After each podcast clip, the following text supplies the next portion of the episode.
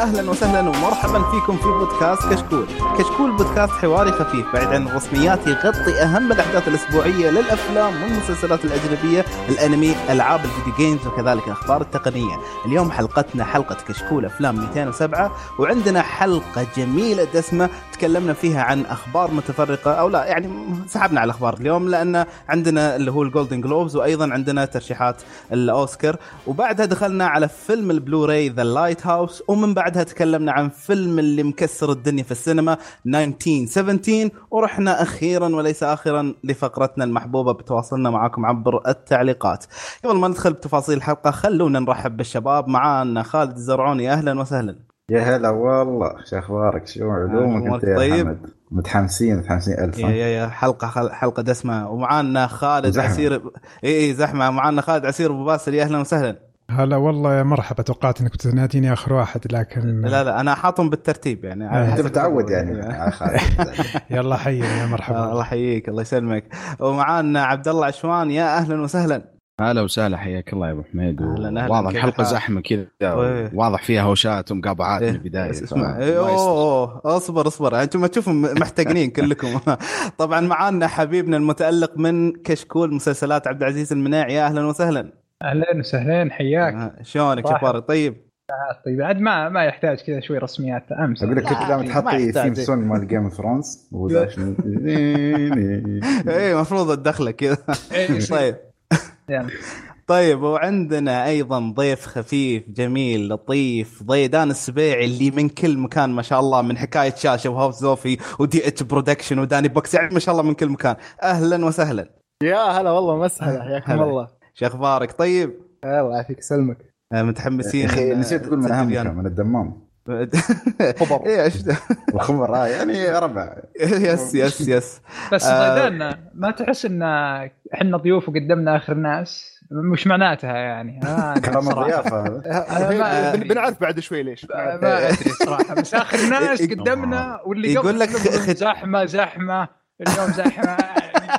خلاص علمونا ما نجي. ما ما يحتاج. لا هذه يقول لك ختامها مسك يا عبد العزيز. ما عليك اصبر ويقول لك إيه. دائما آخر حبل ختامها بالبداية. يلا يلا. طيب آه، إحنا طبعا مشتاقين جدا للتسجيل فما ودنا نطول في المقدمات. ودنا على طول ندخل في الفائزين بالجولدن جلوبز من آه، فئة الأفلام. فعندك يا خالد عطنا إياهم. خلينا نتناقش فيهم. آه، سريعا بنبدا أول شيء بال best motion picture أو best يعني movie in the year في صفة أو في تصنيف الدراما اللي هو 1917 19 آه، متفوق على The Irishman Joker Marriage Story و The Two Popes. تعليقاتكم يعني. لا هذه هذه لما هذه واضحة يعني؟ الله. آه، يعني أنا أحس- تأيد تعارض بس بعدين أنا بالنسبة لي لا أنا ما أعتبره الأفضل. يعني أنا بالنسبة لي أشوف مثلا Joker Irishman ممكن أفضل. زين يعني- الشباب ما- من شاف two عبد العزيز و شفت شفتهم شفتهم كلهم. بس برضه ما راح أعطي 1917 ال- مم. البطولة يعني فوز. آه ما بين جوكر والفيلم اللي أنا حبيته Marriage Story مم. جيد جيد زين آه، ضيدان عندك شيء تعليق؟ لا والله يعني بس وقت تقريبا نفس. رأي الشباب يعني. إيه. ما أشوف إنه والله. تمام ماشي مشكلة. أنا نتفاهم تمام. شكلها في شوية جلد. المهم آه، أفضل ممثلة في الدراما اللي هي رينيه زلوجر من جودي. طبعا أنا ما شفت الفيلم صراحة بس كل حد يعني يوصفها بالإبداع. يعني أغلب التقييم اللي قريت. عنها بهالكلام. ما أدري إذا أنتم فعلا. شفتوا الفيلم ولا شيء؟ إيه إيه، كان دورها جميل صراحة. يعني هي أصلا القصة عن أن يعني قصة مغنية وكذي فالاضواء عليها طول الوقت وقدرت تشيل الفيلم. يعني وغير إن لها كاريزما. يعني أنا ما ما خبري شفتها قبل لكن آه، يعني حضورها كان جدا جميل وادائها كان مقنع جدا يعني. لا إن شاء الله بتكلم عنه قبل الأوسكار لأنه ما يعني. أعتقد هي تكون من أقوى المرشحات للأوسكار بعد. yes آه، زين أفضل ممثل في فئة الدراما طبعا يعني من غير منازع يعني خواكين فينيكس في. دور الجوكر. يعني هاي تقدر تقول كانت أوضح وحدة يعني الامانه يعني. ويستاهل. خصوصا إن يستاهل. دينيرو ما كان موجود بعد. والله شوف. آه، أنا اللي استغربته دينيرو ما موجود هنا وبرضه في الأوسكار. آه، أنا أنا تمنيت إن دينيرو ياخذها لأنه يستاهلها. لكن اخذ خواكين في خواكين فينيكس يستاهل يعني ما عندي إشكالية. yes آه، أنا ممكن اللي بس آه، مستغربه ك في ال Golden Globes وفي الأوسكار أن ويليام دافو سحبوا عليه سحبة تامة يعني ويليام دافو اداء كان ممتاز في Lighthouse صراحة يعني أوه. حتى لو مهما كان رأينا بعدين لما نتكلم عن آه. الفيلم بس كدور كان دوره مرة ممتاز يعني بس يا فنتكلم عنه بعدين إن شاء الله بس إيه. سحبوا على روبرت دينيرو براسه يعني اي ف- أدري بعد حتى دينيرو هم في سحبوا على كم شخصية آه، على كم يعني ممثل فنشوف إن شاء الله نتناقش فيهم أكثر بإذن الله زين أحيانا في حد عنده يضيف أي ك- آه، كلمة شيء ولا ننتقل؟ ننتقل يلا زين. best motion picture بس حق الكوميديا وال musical طبعا أنا ما أدري شو يخصون بعض بس يلا تعودنا على- في كل سنة. والفايز طبعا كان Once Upon a Time in Hollywood يعني والله كفيلم الكوميديا أكيد بيكون أفضلهم يعني. ال- الكوميديا في الفيلم كانت مرة حلوة ترى. يعني هو إيه،. وترى غريبة من كوينتين تارانتينو. آه، هو جابها بجرعة حتى مركزة بالتحديد آخر نص ساعة يمكن حتى فيها كوميديا إيه. سوداء كذا محزنة لكن تقعد تفطس عليها الضحك خاصة مع مشاهد ليوناردو دي كابريو يمثل إيه، هو تميزه كثير من الأحيان الكوميديا اللي اللي بعيده كل بعد عن التهريج لكن على حسب الموقف نفسه هو اللي يضحك ما هو إيه. مثلا نكتة ولا شيء لكن إيه. بشكل عام الفيلم كان من من من الناحية مع انه ما هو فيلم كوميدي هو لكن من الناحية الكوميدية تفوق على أفلام كثير يعني صحيح. هو هو للأسف ال genre ما أدري ليش موجوده يعني صراحة. بس يلا نكمل زين أفضل ممثلة في في الكوميديا وال musical اللي هي أكوافينا في فيلم The Farewell yes. يعني من المرشحات هاي الوحيدة اللي صراحة شفتها. هي و Knives Out أقول okay تستاهل يعني صراحة. تستاهل yes وتكلمنا طبعا في قبل أربع حلقات ولا خمس حلقات ما أذكر بالضبط أي حلقة بس تكلمنا عن يعني مش من وقت بعيد يعني عن نهاية السنة كان. بس يعني أنتم تشوفون انه فعلا Farewell كان في جرعة كوميديا بشكل أو آخر؟ يعني أنا ما. شفت شيء ابدا اي كوميدي. كان في كان في الأشياء البسيطة تعرف من الجد على بعض الأشياء. يعني هو تصنيفه شوف هم في النهاية اللي أنا اكتشفته صراحة إن إذا الفيلم مكتوب عليه كوميدي خلاص على طول يدخلونه في الفئه أو musical. مو بشرط إنه يكون أساس أو محور الرئيسي لهالشيء. yes, عرفت yes علي؟ okay جميل. حلو زين آه بعدين أفضل ممثل في في الموسيقى والكوميديا بعد اللي هو آه تيرن إيجرتون في Rocketman yes كان دوره جميل. طبعا متفوقا على خليني أعطيك أسامي روبرت دينيرو إيدي ميرفي رومان جيرفي دي شو جريفن ديفيس اللي هو Jojo Rabbit ودانيال كريج يعني هو هو آه. شوفوا كأسامي. ما شاء الله في أسامي قوية بس آه. كاستحقاق يمكن عشان إنه هو musical يمكن هو يستحق أكثر واحد. آه، لا لا لأن بعد وقت الشاشة حقه ترى أكثر من الباقي. يعني يمكن لا هو يمكن ايدي ميرفي نفس الشيء. هو ايدي بس- بس صح. إيه بس يعني مثلا لما تجي تقارنه بدانيال كريج دانيال كريج ترى مو هو بالحالة في الفيلم. يعني مو هو التركيز عارف؟ فعلا. إيه. آه. ويستاهل صراحة يعني الممثل حتى في الفيلم. آه يعني آه مث- مثل شخصية آه معليش بس تذكرين في اسمه يا شباب؟ جون, جون ليج مو جون ليجند sorry آه، إيه التون جون المغني نفسه. إلتون جون، إلتون إلتون sorry جون. آه. إيه يعني يعني مثلوا آه، يعني أتوقع على مدى يمكن عقدين أو ثلاثة مثل الشخصية وكان صراحة مرة ممتاز مرة ممتاز. يعني الممثل يعني حتى كان واضح إنه إنه إنه عنده مستقبل من بالنسبة لي أنا أول ما تعرفت عليه في Kingsman الأول yes فيستاهل صراحة. يعني حتى مع كامل احترام الاسماء الثانية لكن بالراحة بالراحة يا أخي. إيه قدم قدم أداء جيد. آه، أذكر أنا إنه الشخصية ترى ما كانت بالأحاسيس والأشياء اللي ممكن الشخص يطلع فيها أشياء أكثر. مع ذلك هو قدر يسوي منها أداء ممتاز. لا هو مستحق نوعا ما. صحيح. عبد عبد العزيز بعد شغلتك ال musical ها؟ إيه. يعني فصفصت فيه ذاك اليوم إيه أشوف ما شاء الله زين حد يبغى يضيف شيء؟ okay ننتقل اللي بعده أفضل آه، فيلم animation آه، فيلم اسمه Missing Link من بطولة آه، آه، شو يسمونه؟ كيف نسيت اسمه؟ كيف نسيت اسمه؟ أول. نفسه. أيوه جاكمان. زين طبعا متفوقة على Frozen 2 How How to Train Your Dragon الثالث The Lion King و Toy Story 4 فما أدري حد شاف Missing Link؟ آه، لا والله آه، ف- لما أنا فاجأني. يعني حتى آه، أذكر إنه ما طول حتى في السينما يعني إيه ما قعد إلا أسبوعين إيه. يمكن. اي شيء زي كذا. فأنا آه، ف- فكان مفاجئ بالنسبة لي يعني. وال- فالحين حمسني إني إني اتابعه صراحة. ال animation ما ما له تعرف على شو على ال- ال- الصلصال هال- هالاسلوب الغريب شوية. فما أعرف يعني بس يعني متفوق على هالافلام كلها. وأنا أصلا للحين مستغرب King ليش يعتبرونه animation يعني. لا واترك هو صح مو ب live هو مو ب live action ولا animation بس شي اي خليط غريب في النص إيه إيه بس يعني مثلا عندك في فيلم كلاوز مثلا هذا ما أدري ليش عليه إيه، حرام. لأنه ما حق Netflix هذاك جميل جميل جدا.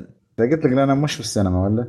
ولا ما يخصه؟ هذاك آه، مو هذيك. قوانين الأوسكار ولا شنو؟ والله ترشح أساسا كلاوس أتوقع- ترشح الأوسكار فمعناته هو ترشح الأوسكار صح؟ اي المفروض ترشح. إيه، أذكر ترشح- ترشح. إيه معناته ترشح هو دخل السينما ف يعني Frozen 2 جميع. المعايير محطوطة يعني خلاص يا خل نتكلم وقتها عن هذا في الأوسكار زين آه، أفضل فيلم أجنبي طبعا أعتقد هذا أوضح شيء كان Parasite وبس في فيلم ثاني. يتكلمون عنه وايد اللي هو Pain and Glory من إيه اداء جيد.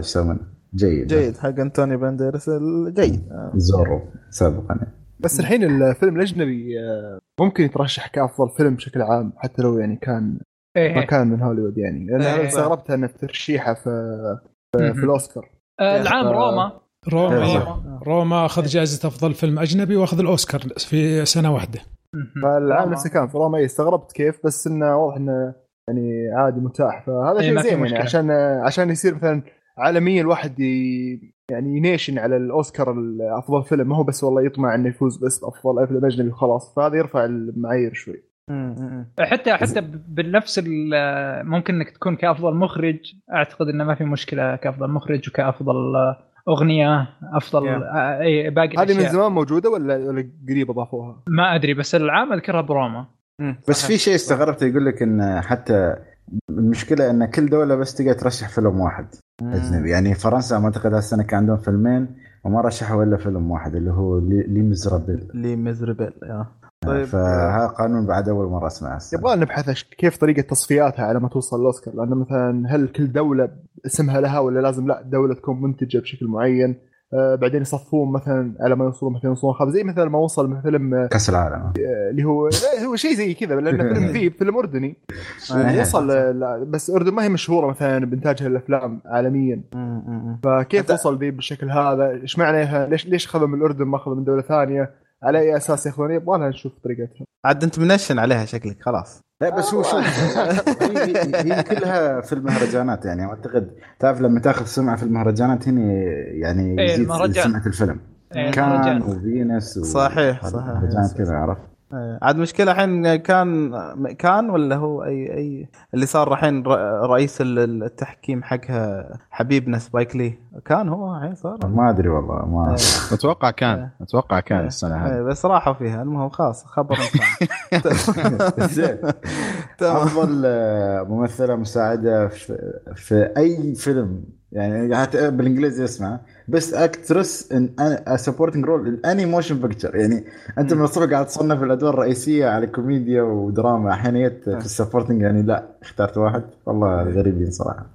المهم ال- الفايزه كانت لورا ديرن من Marriage Story اللي هي كانت تمثل دور المحامية إذا ما كنت غلطان يعني والله أنا ما شفت فيلم مارغريت روبي وشارليز ثيرون لكن آه، كان أداء هذه في Marriage Story كان مرة ممتاز صراحة بس هذه لا. كمساعدة ولا ولا؟ كمساعدة كمساعدة. كمساعد، تمام. تمام okay زين آه، ننتقل بعد أفضل دور مساعد in any supporting role قصدي في دور أفضل مثل مساعد in any motion picture يعني أو of أي فيلم يعني بشكل عام. الفائز كان براد بيت من Once Upon من هوليوود طبعا متفوق على. توم هانكس. توم هانكس وأنتوني هوبكنز وآل باتشينو وجو بيشي. جو بيش شوف صراحة آه، آه، توم هانكس وآل باتشينو جو بيشي أنا ما شفت Two Popes لكن آه، الثلاثة ذول ادوا أداء ممتاز. لكن براد بيت في Once Upon Time كان أسطوري. yes السنة هذه يعني اصعب و- أصعب جائزة تقريبا حتى أصعب من أفضل فيلم السنة هذه. صح. صحيح. هذه. آه، لأن يعني خطف أحس الانظار من ليوناردو دي كابريو. هو okay، الصراحة دي له جوة. هي هو سوى سب يعني صدق يعني supporting actor كان صدق support الممثل إيه. المساعد. يعني صحيح. مش نفس جو- آل باتشينو وجو بيشي لما يطلعون تحس كل واحد له جو بس هنا كان طيب سؤال سؤال هنا. براد بيت في Once Upon Time أنا أشوف إن الفيلم فيلم كان متمحور حواليه ترى. اي يعني هو آه، هو هو بشكل. اللي كان زي ما نقول رمان بلي اللي يدور الفيلم حواليه. فليش ما يكون هو على أفضل آه، ممثل؟ يعني ما هو براد بيت. هو شوف اللي أنا أعرفه أن ترشيحات الرفع من يعني من منتجين الفيلم نفسهم. لا حتى حتى تصنيفه تصنيفه في آه، جميع الجوائز حتى في الفيلم نفسه. جايبين ليوناردو دي كابريو هو ال main character ولا براد بيت آه، الممثل المساعد. مع إنه في الفيلم اللي يدقق فيه لا يشوف براد بيت هو اللي ماسك الشغل كامل. لا بس أنت أنت تتبع قصة الممثل أكثر من okay صح إن ال- ال- ال- ال stunt man أو ال- الرجل المخاطر ماله هو موجود معه في القصة بس أنت تتبع قصة الممثل نفسه ما تتبع قصة الشخص يعني- الثاني. يعني يعني مثال- حتى مثال- في ال dialogue في المونولوج يعني في في سرد القصة وهالأشياء كلها ترى هو يتكلم ليوناردو كابريو عن عن قصته هو يعني شو استوى مسيرته يعني. فهذا اللي أنا أشوفه يعني عشان تي أعطوه هالشيء دور مساعد والدور الرئيسي يعني ما بس. عشان وفي اختلاف. واتفاق بسيط يعني. عشان أوضح الصورة خالد اللي هو عسيري بالنسبة لل إذا تغيرت حال شخصية ليوناردو هل يتغير حال اللي هو براد بيت؟ يتغير نعم. إيه. صحيح طيب إذا تغيرت حال براد بيت هل يتغير حال ليوناردو؟ لا فإذا الشخصية الأساسية بالقصة هي ليو أنا أتكلم صحيح كقصة بس في الفيلم نفسه ترى إيه، ليونا... إيه، ترى براد أتفق بيت معك. هو اللي يعني لو في الفيلم لو شلت بزمن الفيلم بزمن الفيلم براد أكثر. آه، بكل شيء ممكن براد بيت أكثر لكن لا لا حتى. تحريك الأحداث حتى تحريك الأحداث. بس في في فيلم أيضا نفس, نفس الكلام لبراد بيت اللي هو Fight Club نفس الشيء عندك آه، إد نورتون و. و وش اسمه وبراد بيت. براد بيت يعتبر شخصيه شخصية اللي هو المساعد. لكن هو اللي تحس إنه شايل الفيلم. فنفس الفكرة يعني. صحيح مثال ممتاز هذا. جميل جميل جدا. طيب اللي بعده؟ زين آه، أفضل آه، مخرج في في أي في أي, في فيلم اللي هو كان سام مندز من 1970 طبعا متفوق على The Irishman اللي هو مارتن سكورسيزي كوينتين تارنتينو وبونج جون هو وتود فيليبس. طبعا كلها أفلام قوية اللي هي The Irishman Once Upon Time و Parasite والجوكر والله شوف أنا شفتها كلها إلا 1917 أشوف ان اللي يستاهلها بلا منازع مارتن سكورسيزي أو ما كوينتين تارنتينو وبعدهم يجي تود فيليبس وبعدهم الكوري بس إن هذا 1917 المخرج حقه اللي هو اسمه سام ما أدري هل هو جاب شيء أسطوري لأني ما أقدر أفتيه لأني ما شفته عيل خلنا نتناقش معاه وقت الفيلم. خلينا نتناقش في وقت الفيلم يا آه، زين. آه، أفضل آه، screenplay آه، كان كوينتين تارنتينو في وانس ابون تايم ان هوليوود. يستاهل. يستحقها سهل. يعني كي- كيف كيف يعني خلق dialogue وعالم من من فترة كانت مهمة في في في هوليوود وأمريكا؟ يعني كان صراحة شيء شيء جدا جدا ممتع. وحرفيا كان كان ال- ال- ال screenplay ال screenplay هو اللي هو اللي اللي اللي شال الفيلم بالضبط. يعني ما كان زي مثلا آه مثلا آه بعض في فيلم حنتكلم عن الحلقة هذه كان ما كان بشكل كبير يعتمد على ال dialogue مثلا أو أو أو آه، يعني كان في مقومات ثانية مثلا زي التمثيل أو أو ال cinematography لكن هنا بالضبط كان screenplay يعني صراحة شال الفيلم شيل ويستاهل يعني يستاهل يستاهل كوينتين تارنتينو. ومو غريب عليه يعني. زين آخر جائزة باش نتكلم عليها اللي كانت best original score وأفضل بالعربي شو يسمونها؟ score اللي هي موسيقي ولا ألحان؟ المهم يعني موسيقى المهم آه، كان فايز اللي هو فيلم الجوكر. آه، طبعا أنا صراحة أتفق يعني احسه من أكثر أفلام هالسنه عايشني عايشني الجو يعني. صحيح. وحتى المرشحين اللي. كانوا معاه يعني Little Women ما شفته الصراحة. هو كان فيلم يمدحونه 1917 okay بس مو بلهاك الزود. Marriage Story و Motherless Brooklyn يعني. فنشوف الجوكر بسهولة يعني كان أفضلهم يعني. آه، عنده رأي ثاني؟ آه، شوف آه 1917 لو استعملت الموسيقى بشكل أفضل شوي ممكن ترى يكون منافس له. بس أحس إن يعني موسيقته آه آه كأنه يقول لك آه تحمس معاي الحين. آه كأنه قاعد يقود مشاعرك. عكس مثلا آه يعني جوكر اللي كانت كلها على نمط واحد لكن آه كان آه كانت تعطيك كذا لمسات يعني في الوقت المناسب إنها تضبط يعني إيقاع الفيلم بشكل أو آخر. ففي في اختلاف في استعمال الموسيقى. فامر يعني هذا اللي أشوفه يعني اللي ممكن كانت النقطة الفارقة يعني.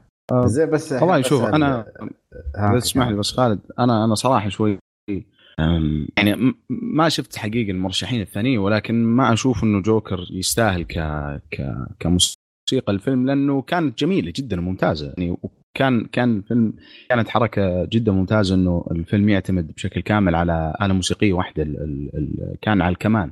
آه وكان في في يعني في أول كم تجربة مع الموسيقى كانت جدا ممتازة لكن يعني مع مع كل ما يتقدم الفيلم بالوقت صراحة يعني يصير الموضوع يطفش لأنه آلة واحدة وكان في مشاهد مبالغ يعني استخدام فيه. يعني خلاص اللي اللي صار يعني لما يوصل مرحلة إنه إنه ال soundtrack جالس يأثر على المشهد يعني أو يطلعني جو المشهد. بالنسبة لي أنا أشوفه في مرحله معينة صار يطفش. يعني الفيلم الفيلم مدته أكثر من ساعتين و- والفيلم كامل جالس يعتمد على آلة واحدة. أنا بالنسبة لي هذا كان شوي آه، يعني آه، أثر يعني بنسبة قليلة على التجربة. فما ما أشوف إنه يستاهل. والله يعني صراحة والنقطة تاخذ بالاعتبار صراحة يعني ما أقول لك لا يعني. بس بعد حسيت أوكي ممكن أستعمل آلة واحدة بس هذا هو- هي أنا أحس هنا الإبداع انه كيف يعني تستغل آلة واحدة في إنك تكون لك score عظيم يعني. طيب إيش رأيك؟ إن عندي الموسيقى في Irishman أحسن من الجوكر. إيه أنت الحين بس- مستوي لي. ذكرتني بواحد الله يهدي بس. لا, بس بس الحين اللي اللي اللي في في جو في شو اسمه في Irishman.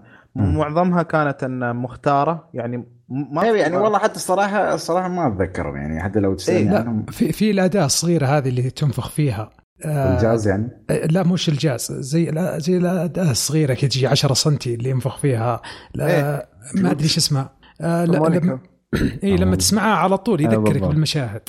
هي ما أدري يعني أنا أنا بالنسبة لي ما أتذكر يعني ما أتذكر موسيقى آه، لأن كانت آه، أحس إنها كانت مختارة أكثر من إنها original يعني في في Irishman ولا؟ يعني يعني جايبينها للفيلم مش كلها. أنا اللي أتذكر الأغاني ممكن أجواء الأغاني القديمة هاي ال- لا يبدو لي الأغاني إنها موجودة من أول ودخلوا على الفيلم وقبلت فيها لكن أتكلم أنا. أتذكر الأغاني ما أتذكر الألحان والأشياء لا أنا يعني. أتذكر الموسيقى موسيقى Irishman كانت مرة ممتازة اللي تدخل في المشاهد تعيشك جو السبعينات بط- بطريقة والستينات كانت بشكل مرة ممتاز.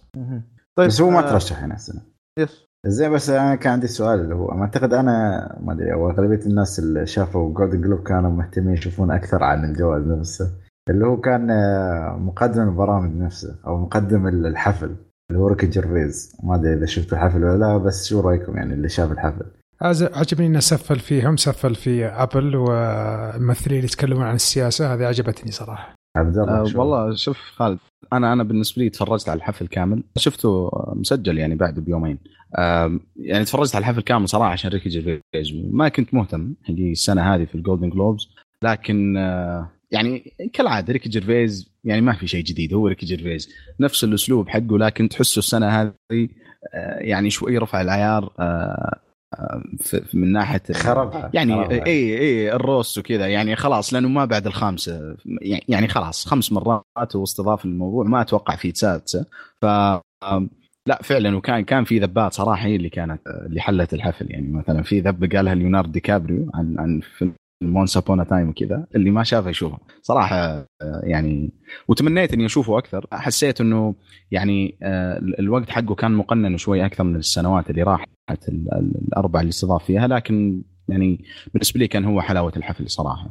آه، ما أدري. شوف أنا الصراحة اللي عجبني إن آه، أعطاك زبدة الكلام يعني. يعني لا تدخلون في السياسة يا جماعة. خلاص اشكر اللي تبي تشكره وهذا وتوكل على الله. يعني لا تصير آه، لما سالفة انه ضرب مثال أبل يعني نسي تقول لي شركة يعني وكل واحد كل شركة لها أجندتها يعني. فأنت لا تتكلم بالسياسة واخر شيء تشتغل لشركة لها أجندة آه، قد تعارض آه، أصلا يعني أفكارك بس أنت ولا داري في الموضوع. عرفت علي كيف؟ فعلا اي أحس يعني أخيرا يعني. هو صح انه قالها بطريقة استهزائية بس في صحة من كلامه يعني. إنه خلوا الموضوع خلاص زي خلوا في مجال الفن مجال الأفلام لا أو المسلسلات. لا تطلعون برا وايد يعني. لا تصيرون تبحرون هذا.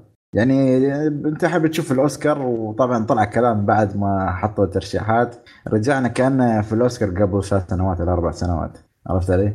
فما أدري الناس كيف ترضى يعني صراحة. طيب فهذه كانت اللي هي الجوائز ال Golden Globes آه يعطيك العافية خالد. الحين خلونا ننتقل لترشيحات الأوسكارز اللي هي خلينا نقول ال big beef حق كشكول أفلام. فعندك يا عبد الله سمعنا وأطلع. هلا هلا هلا والله. إيه. طيب نزلت ترشيحات الأوسكار قبل فترة وصراحة متحمسين لها مرة. وخلونا نبدأ سريع سريع. جائزة أو مرشحين best picture أو أفضل فيلم لسنة 2019 وفي البداية فيلم Ford versus Ferrari ما أدري شباب إيش رأيكم أتوقع ما حد يختلف آم، اللي بعده The Irishman Jojo Rabbit Joker Little Women Marriage Story 1917 Once Upon a Time in Hollywood وأخيرا فيلم Parasite شباب إيش رأيكم؟ قائمة ممتازة صراحة آه، بس فعلا. سؤال اللي هي ما ما تكون في يعني أعتقد كل سنة تتغير ما العدد ما يكون ثابت صح؟ يعني مرات إيه، سبعه مقياس. مرات أعتقد إنه يوصل ثمانية برضو. تسعة بعض الأحيان ستة. لا بس قائمة قوية. بس أنا ما أعتقد Little Women يبغى نشوفه يعني لأن أشوف وايد إيه. طالع في الساحة. Jojo Rabbit اي Little Women نهاية January بينزل في السينما المفروض. Jojo Rabbit أنا ما أعتقد صعب ينزل عندنا ولا؟ آه اي ما ما أدري ما صراحة. أتوقع. مم. بس أنا أنا يعني شاهدته اشوفه فيلم جيد بس إيه، يعني حط في بالك إنه جيد. يعني ما أدري. اي يعني في في في أجندة لأن السنة هذه أنا اللي عجبني في ال Golden Globe وال Oscars إن أجندة ال feminist وال blacks والأشياء الثانية كانت خفيفة جدا السنة هذه. آه، لا لا هو المشكلة أدري، دخلوا لك يعتبر والله اليوم يعني دخلوا لك على سالفة والله إن كل ترشيحات للبيض وما أدري شو. إيه، هو هو عموما يعني لا علاقة باليهود ما يهود فما أدري إذا بيعتبر أجندة ولا لا. بس آه، جيد بس ما يعني بالنسبة لي يعني هو يمكن أضعف واحد في القائمة كلها. لا وغريب يعني. أنا إيه. أنا حقيقة أول مرة أشوف فيلم آه، يعني قصته أو في نوع من الخيال نفس الطريقة اللي اللي جوجو رابط جالس يسويه. أنا حقيقه ما شفت الفيلم ولكن يعني عارف القصة وتفرجت على ال trailer. وأنا already يعني عندي معرفة سابقة في أسلوب تايكا وتيتي ف م- غريب صراحة مرة. يعني ممكن ما ما أتذكر إنه في فيلم ترشح الأوسكار كأفضل فيلم وكان بالغرابة حقته هذه. فما أدري نشوف. لكن آه صراحة أنا بالنسبة لي هذه القائمة قد تكون يمكن آه أفضل قائمة من سنة 2015 16 يعني فيلم آه فعلا فعلا قائمه جدا قويه يعني لما أتكلم جوكر Once Upon a Time in Hollywood 1917 أنا واثق إن شاء الله إنه حيكون فيلم كويس ما تفرجت عليه آه برضو The Irishman ففعلا سنة سنة يعني سنة جدا جدا رائعة من ناحية ال- الأفلام yes طيب شباب أحد عنده إضافة ولا نروح اللي بعده؟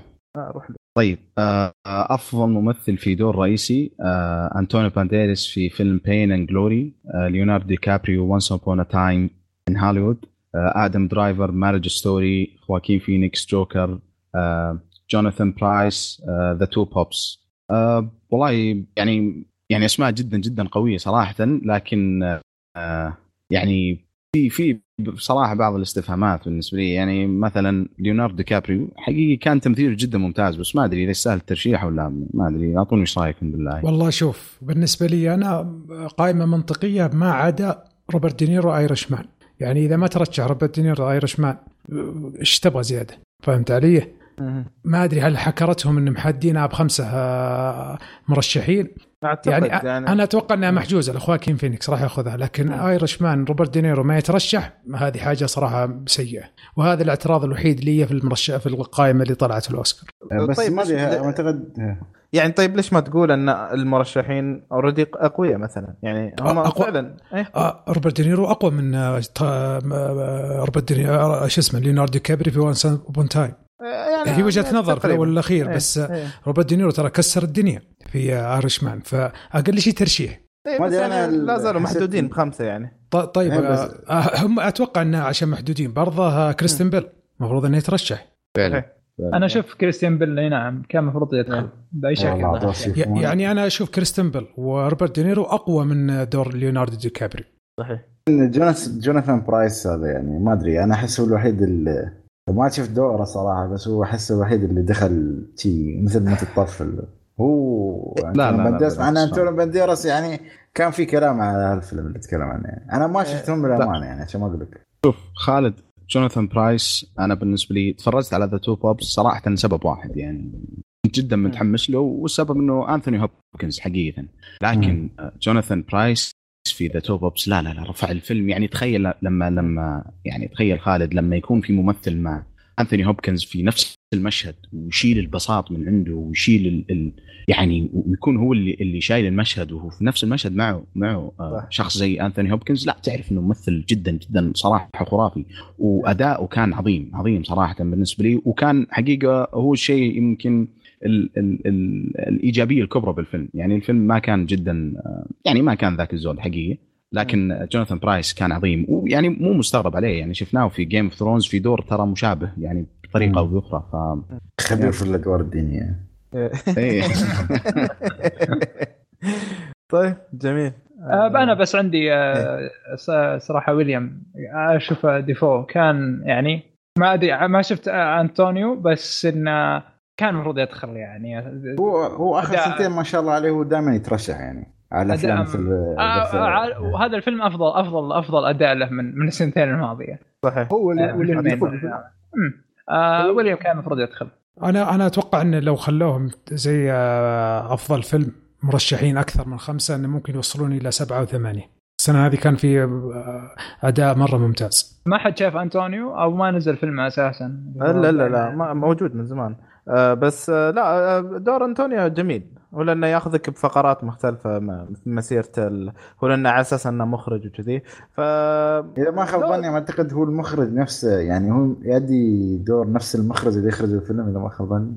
آه ما أتذكر تصدق يعني ما زي- ما ثبت بالأسماء. زي فيلم All That Jazz اللي شافه كان هو يتكلم عن حياته وهو مخرج الفيلم ك... مخرج فيلم كذا أعتقد. ما أدري ما آه. شفته. يبغى نتكلم عنه قبل الأوسكار. yes yes. طيب آه طيب شباب. اللي بعده. آه، أفضل آه، ممثل في دور مساعد. آه، توم هانكس في A Beautiful Day in the Neighborhood. أنثوني هوبكنز في The Two Popes. آل باتشينو The Irishman. جو بيشي The Irishman. براد بيت Once Upon a Time in Hollywood. سمعوني بالله. والله ال list ة ممتازة. براد بيت أتوقع انه بيأخذها زي ما أخذها في Golden Globe براد بيت yes ويستاهل. yes yes لكن يعني بالنسبة لي صراحة نفس التساؤل حق ليوناردو دي كابريو في في كممثل رئيسي نفسه ينطرح لأنثوني هوبكنز. كان أداؤه كويس. بس يعني ما أدري حسيته حقيقي ما يعني ملى الفراغ أكثر ما إنه يعني فعلا فعلا يستاهل الترشيح. وما أدري يعني حتى حتى ويليام ديفو لو مثلا اللي بناخذها ك زي ما ذكرته كممثل آه، رئيسي ممكن برضه إنه يتقدم كممثل مساعد. ما أدري لو كان صناع الفيلم يعني قدموه بأي واحدة من الطريقتين لكن كان بالراحة ممكن ياخذ مكان أنثوني هوبكنز هنا أو أو حتى مثلا كريستيان بيل أو مات ديمن لو لو واحد منهم تقدم كمساعد صحيح. ممكن بالراحة يكون في القائمة هذه. ففعلا يعني شوي في في في علامات استفهام. إي فعلا آه، ويليام دافو يعني سواء بال آه، بالمركزين يعني بال- بالجائزتين سواء أفضل ممثل أو أفضل ممثل مساعد آه، كان يستحق ترشيح. دائما متفقين على ويليام دافو ممكن كان يستاهل ترشيح لكن كيف تشوفون آه، روبرت باتسون يعني هل هل ممكن كان له مكان هنا ولا إذا, بالراحه ك... إذا بالراحة. كان ما... إذا كان مات ديمن في Ford versus Ferrari ما ترشح فما أتوقع روبرت باتسون يترشح حتى هو مم. okay جميل مع إنه شوف أنا طيب. احس يعني مات ديمن هو دوره ما كان يحتاج ذاك التمثيل ترى دوره الأمريكي يعني كيف أقول لك يعني الأمريكي اللي هو الراعي الكوبوي العادي يعني ما في ذاك التقمص الشخصية الخرافي يعني مثل روبرت باتسون يعني. فأنا بعد متفق يعني okay ما Ford versus على فيلم خرافي ويستاهل وحتى يترشح يعني. بس تمثيليا يعني كراست كريستيان بيل لو ما ترشح فأعتقد باي, باي ديفوت أو بال تصدق آه، بالنسبة لتوم هانكس ما أحس إنه يستاهل إنه يترشح. يعني ما شفت توب بوبس عشان آه، أتكلم عن أنتوني هوبكنز لكن توم هانكس أحس روبرت باترسون أو آه، مات ديمن ممكن يكونون آه، هم المرشحين بدل توم هانكس تقصد توم هانكس. ولا أنثوني هوبكنز يا أبو باسل؟ لا توم هانكس توم هانكس ما أحس إنه يستاهل إنه يترشح أصلا ما يستاهل يترشح والله إي نعم يعني. روبرت باترسون ومات ديمن عندي أفضل ما أدري ممكن أختلف. شوي بهذه آه. لكن آه، يعني أتفق انه إنه ممكن هذول يخشون القائمة لكن مو مو على حساب توم هانكس يعني انثوني هوبكنز زي ما ذكرت من قبل بالنسبة لي صراحة علامة استفهام وجوده هو شوف، أد- أداء توم هانكس كان كويس بس ما هو أسطوري إنه يتعدى هذولك. يعني نفس المقارنة اللي قارناها بين ليوناردو دي كابريو وروبرت دينيرو. هذا اللي وتوي الصراحه هالسنة يعني يعني والله تستاهل أكثر عن خمسة. إي نعم يعني, يعني لو في حطوها سنوات سبعة ثمانية أقول لك خمسة ما يستاهلون. يعني بس واحد واربعه داشين احتياط. بس هذه السنة لا صدق قويه يعني ما تعرف من بيفوز. بعضهم okay واضحين بس سبحان الله ما تعرف في الأوسكار يمكن يكون في فرق بسيط لدرجة انه يقلب الموازين في اختيار الممثل أو الممثلة أو الفيلم حتى. Okay. لأن اللي أعرفه إن التصويت آه. يجي من ال يعني مثلا إذا كان ممثل ففي يعني أو أغلبية الأصوات لما يتم التصويت تكون من الممثلين نفسهم. الناس يعملون في نفس مجال العمل. هذا مثلا best score لازم الملحنين أو ال- ال- ال- هم اللي يصوتون يعني. هم اللي يكون له يعني صوته يكون له أهمية لأنه آه، يشتغلون في نفس مجال العمل هذا عرفت؟ فممكن آه، يختلف آه، الشيء هذا. في ال Golden Globe Golden Globe ما أعرف كيف يعني أو كيف آلية التصويت. طيب آه، شباب خلونا نمشي شوي أسرع على الفئات وممكن وقت يعني لما يخلص الحفل أن نتناقش فيهم يعني بتفصيل أكثر لأن عندنا already فيلمين ثقال يعني عارفين تمام ف... طيب. إيه فخلونا بس نمشي أف- على الترشيحات على السريع يعني. Okay أفضل ممثلة في دور رئيسي سينثيا إيريفو in في فيلم آه، Harriet آه، سكارلت يوهانسون Marriage Story سيرشا رونن Little Women شارليز ثيرون Bombshell آه، رينيه زيلويجر آه، زيلويجر آه، في فيلم جودي. أتوقع already يمكن ناقشنا أغلب الأسماء في ال Golden Globes فافضل صحيح. ممثلة في دور مساعد آه، كانت آه، كاثي بيتس في آه، Richard آه، Jewell آه، لورا ديرن in Marriage Story سكارلت يوهانسن in Jojo Rabbit آه، فلورنس آه، بيو in Little Women آه، مارجو روبي آه، Bombshell يعني يمكن صراحة أنا ما تفرجت على أغلب الأسماء في القائمة هذه ف ما أدري بس سكارلت يعني طيب. صراحة مقطعه شوي yes السنة.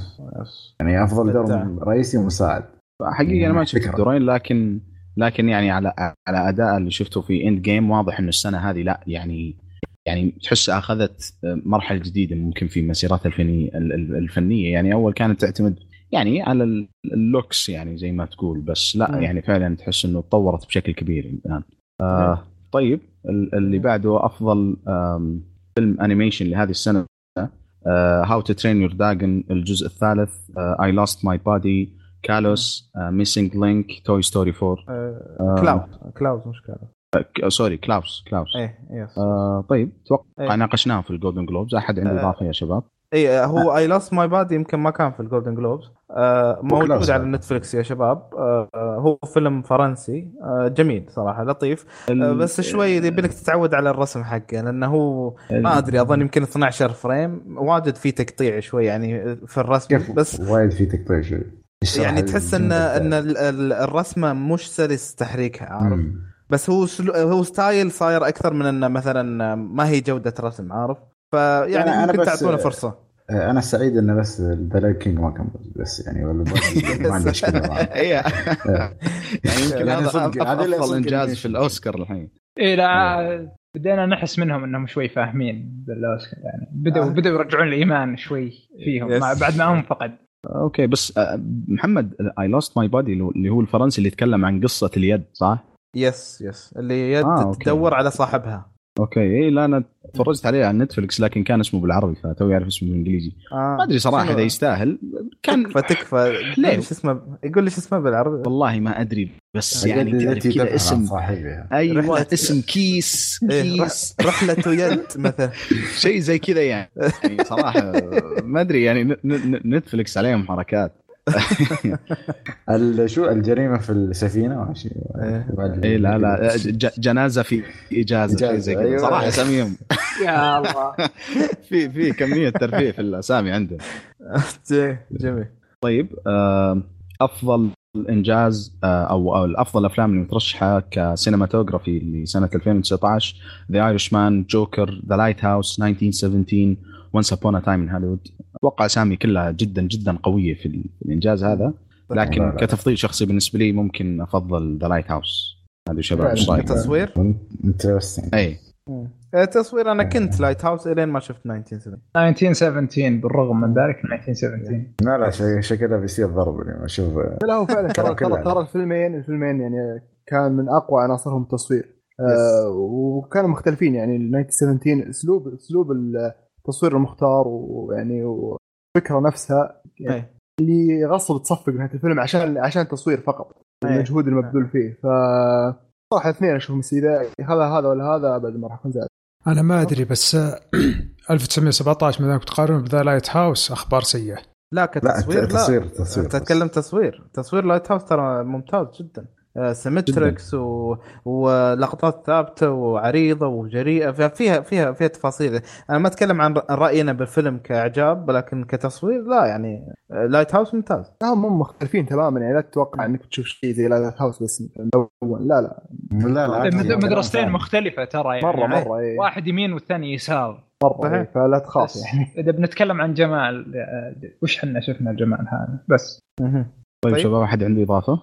لا. okay أم ال- الأفضل مخرج ل- لهذه السنة عندنا خواكين فينيكس في فيلم آه، جوكر آه مارتن سكورسيزي The Irishman 1917 آه سام مندز Once Upon a Time in Hollywood كوينتين تارانتينو Parasite بونج جون هو أتوقع صراحة بالنسبة لي إلى الآن يمكن تكون هذه أقوى قائمة يعني من ناحية التنافس وصعب. التنبؤ فيها والأسماء صراحة جدا جدا جدا قوية يعني. صحيح.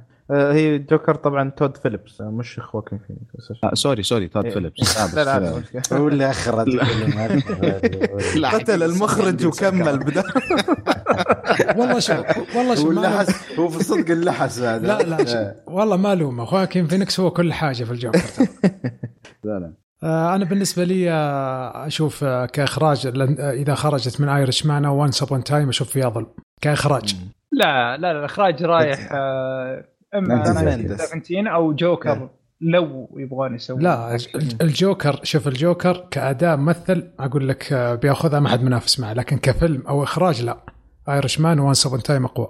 okay. okay بس سام مندس أنا أحس يعني. أنا إيه. يعني يمكن ما ما ما اميل له كثير بس ممكن هو الأغلب إنه بيأخذها. ممكن. يا طيب آه الآن نروح لأفضل فيلم غير ناطق باللغة الإنجليزية أو فيلم. Parasite ما في إلا آه، هو ما يحتاج يعني يعني و- ولي لي تقريبا نص ساعة كذا يعني كذا. جالس جالس إيه لا جالس قاعد غير النطق ناطق. ومد- وكذا والله شوف ما شفت إلا هو هو كويس إنه هو بيتسوى منه محمد، ما له- مسلسل ما له اسم كوري فيلم؟ يفوز ولا ما يفوز إلا اسمه ما ينقرأ صراحة بالكوري عطنا عطنا يا محمد إيش شوف اسمه؟ خبرتك أنت عاد عطنا لا آه. طالب تشينج اصبر بونج لا هو ما أدري اسمه بالجي آه، ج... ج... ج... جواس إيش اسمه؟ لحظة لحظه كاكا بفتحها. آه، اسمه آه، جيسانجاتشونج شيء زي كذا. خلص خلاص، الحلقة خلاص، باراسايت. طيب طيب محمد دا- دا- خلينا على اسم- باراسايت دامني معكم ضيف بس أبغى أسمع منك اسم فيلم انفيزبل جيست بالأسباني. ذا انفيزبل جيست لا كويربو شيء جي إيه. في شيء لا كويربو بس يا راح عن بالي دا دا دومانتي لي دارمانتي شيء زي كذا هو اسمه أقل لا هذا هاي طلبات live هذه اي اي واضح في بي- بينهم memes ضدان جالس يطلعها الحين هنا لا هو ثقافة محمد اسبانية معروفة يعني إيه. هو عنده اصول هناك يعرف شق البحر لكي يصل الخليج العربي ما تدري يمكن عرس من هناك خلاص بعدين. آه خلاص. إيه زين يعني يكون عندنا سبب إني إسباني يعني. والله أرسل ريال هناك. كمل كمل يا عبد الله تستر علينا بس. اي والله. طيب بس أبو باسل إذا. تسمح لي بس. إيه إذا تسمح لي أبغى أمر عن المرشحين إذا ما عندك مشكلة. روح روح تمام؟ مشكلة. إيش okay غير Parasite؟ Parasite Pain and Glory من أسبانيا. Les Misérables آه، من آه، فرنسا. Honeyland من دولة حقيقه ما أعرفها. North آه، شوف واحد غير يعني أنا يا عمي دولة أول مرة أسمع فيها صراحة. مقدونيا الشمالية. okay. من يعني ما مقدونيا الشمالية. أيوه مقدونيا الشمالية ال- ال- ال- الشيء هذا اللي قاله خالد. طيب وال- الفيلم الأخير آه، Corpus Christi من بولندا وبولندا صراحة تلاحظهم من من الدول اللي سنويا يعني يكون عندهم فيلم مترشح ف يعني شيء شيء صراحة هم بعد معروفين يعني كثير من المخرجين ترى أصولهم بولندية ف يعني فعلا. مش المخرج حق The Pianist أعتقد كان بولندي أو حاجة مثل إيه كذا رومان صحيح. بولانسكي. رو- رومان بولانسكي. يهود. آه Honeyland الصراحة أنا مستغرب لأنه يصنف كأنه documentary فما أدري شلون هم يعني- إي ما أدري. هو طبعا أنا سمعت عنه سابقا ال- ال- الفيلم وج- وج- يعني جاله مديح إنه فيلم جميل. بس ال- ال- المصنف لما تروح تدور عنه بتلقاه documentary فأنا مستغرب. فأنا متحمس عموما اشاهده ف بنشوف آه، يعني بس يعني زي ما تقول محسومة زي ما قال أبو باسل يعني. آه طيب آه خلينا نروح اللي بعده اللي هو أفضل آه score أو موسيقى لفيلم آه عندنا جوكر آه Little Women 1917 Star Wars The Rise of the Sky Walker ما أدري صراحة.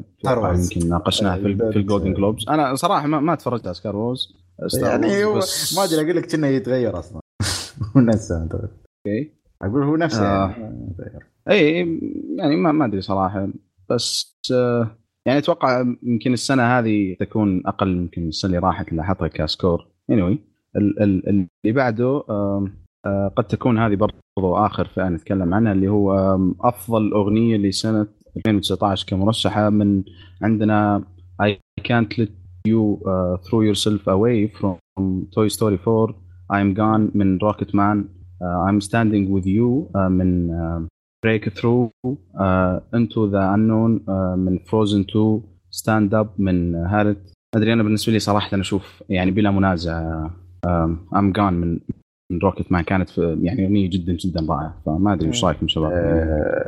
Frozen شاف 2 الأغاني. موجود منها شيء؟ اي اي اي Frozen 2 خلاص. والله صراحة أنا ما كنت سامع؟ منهم بس تعرف الحفل نفسه يوم يعزفونه آه، تي تحس يعطيك انطباع مختلف الصراحه أوكي. نشوف. متى بيكون آه، تاريخ الحفل؟ طيب. ولا أتوقع باقي جوائز ولا- ولا خلصنا؟ والله الباقي الب- الباقي ممكن نتكلم عنه لما لما الله. الفائز لأنه أي يعني editing و visual effects طيب. وهذه ف يا آه، أنا عندي بس واحدة ب- بتكلم عنها اللي هي ال costume design.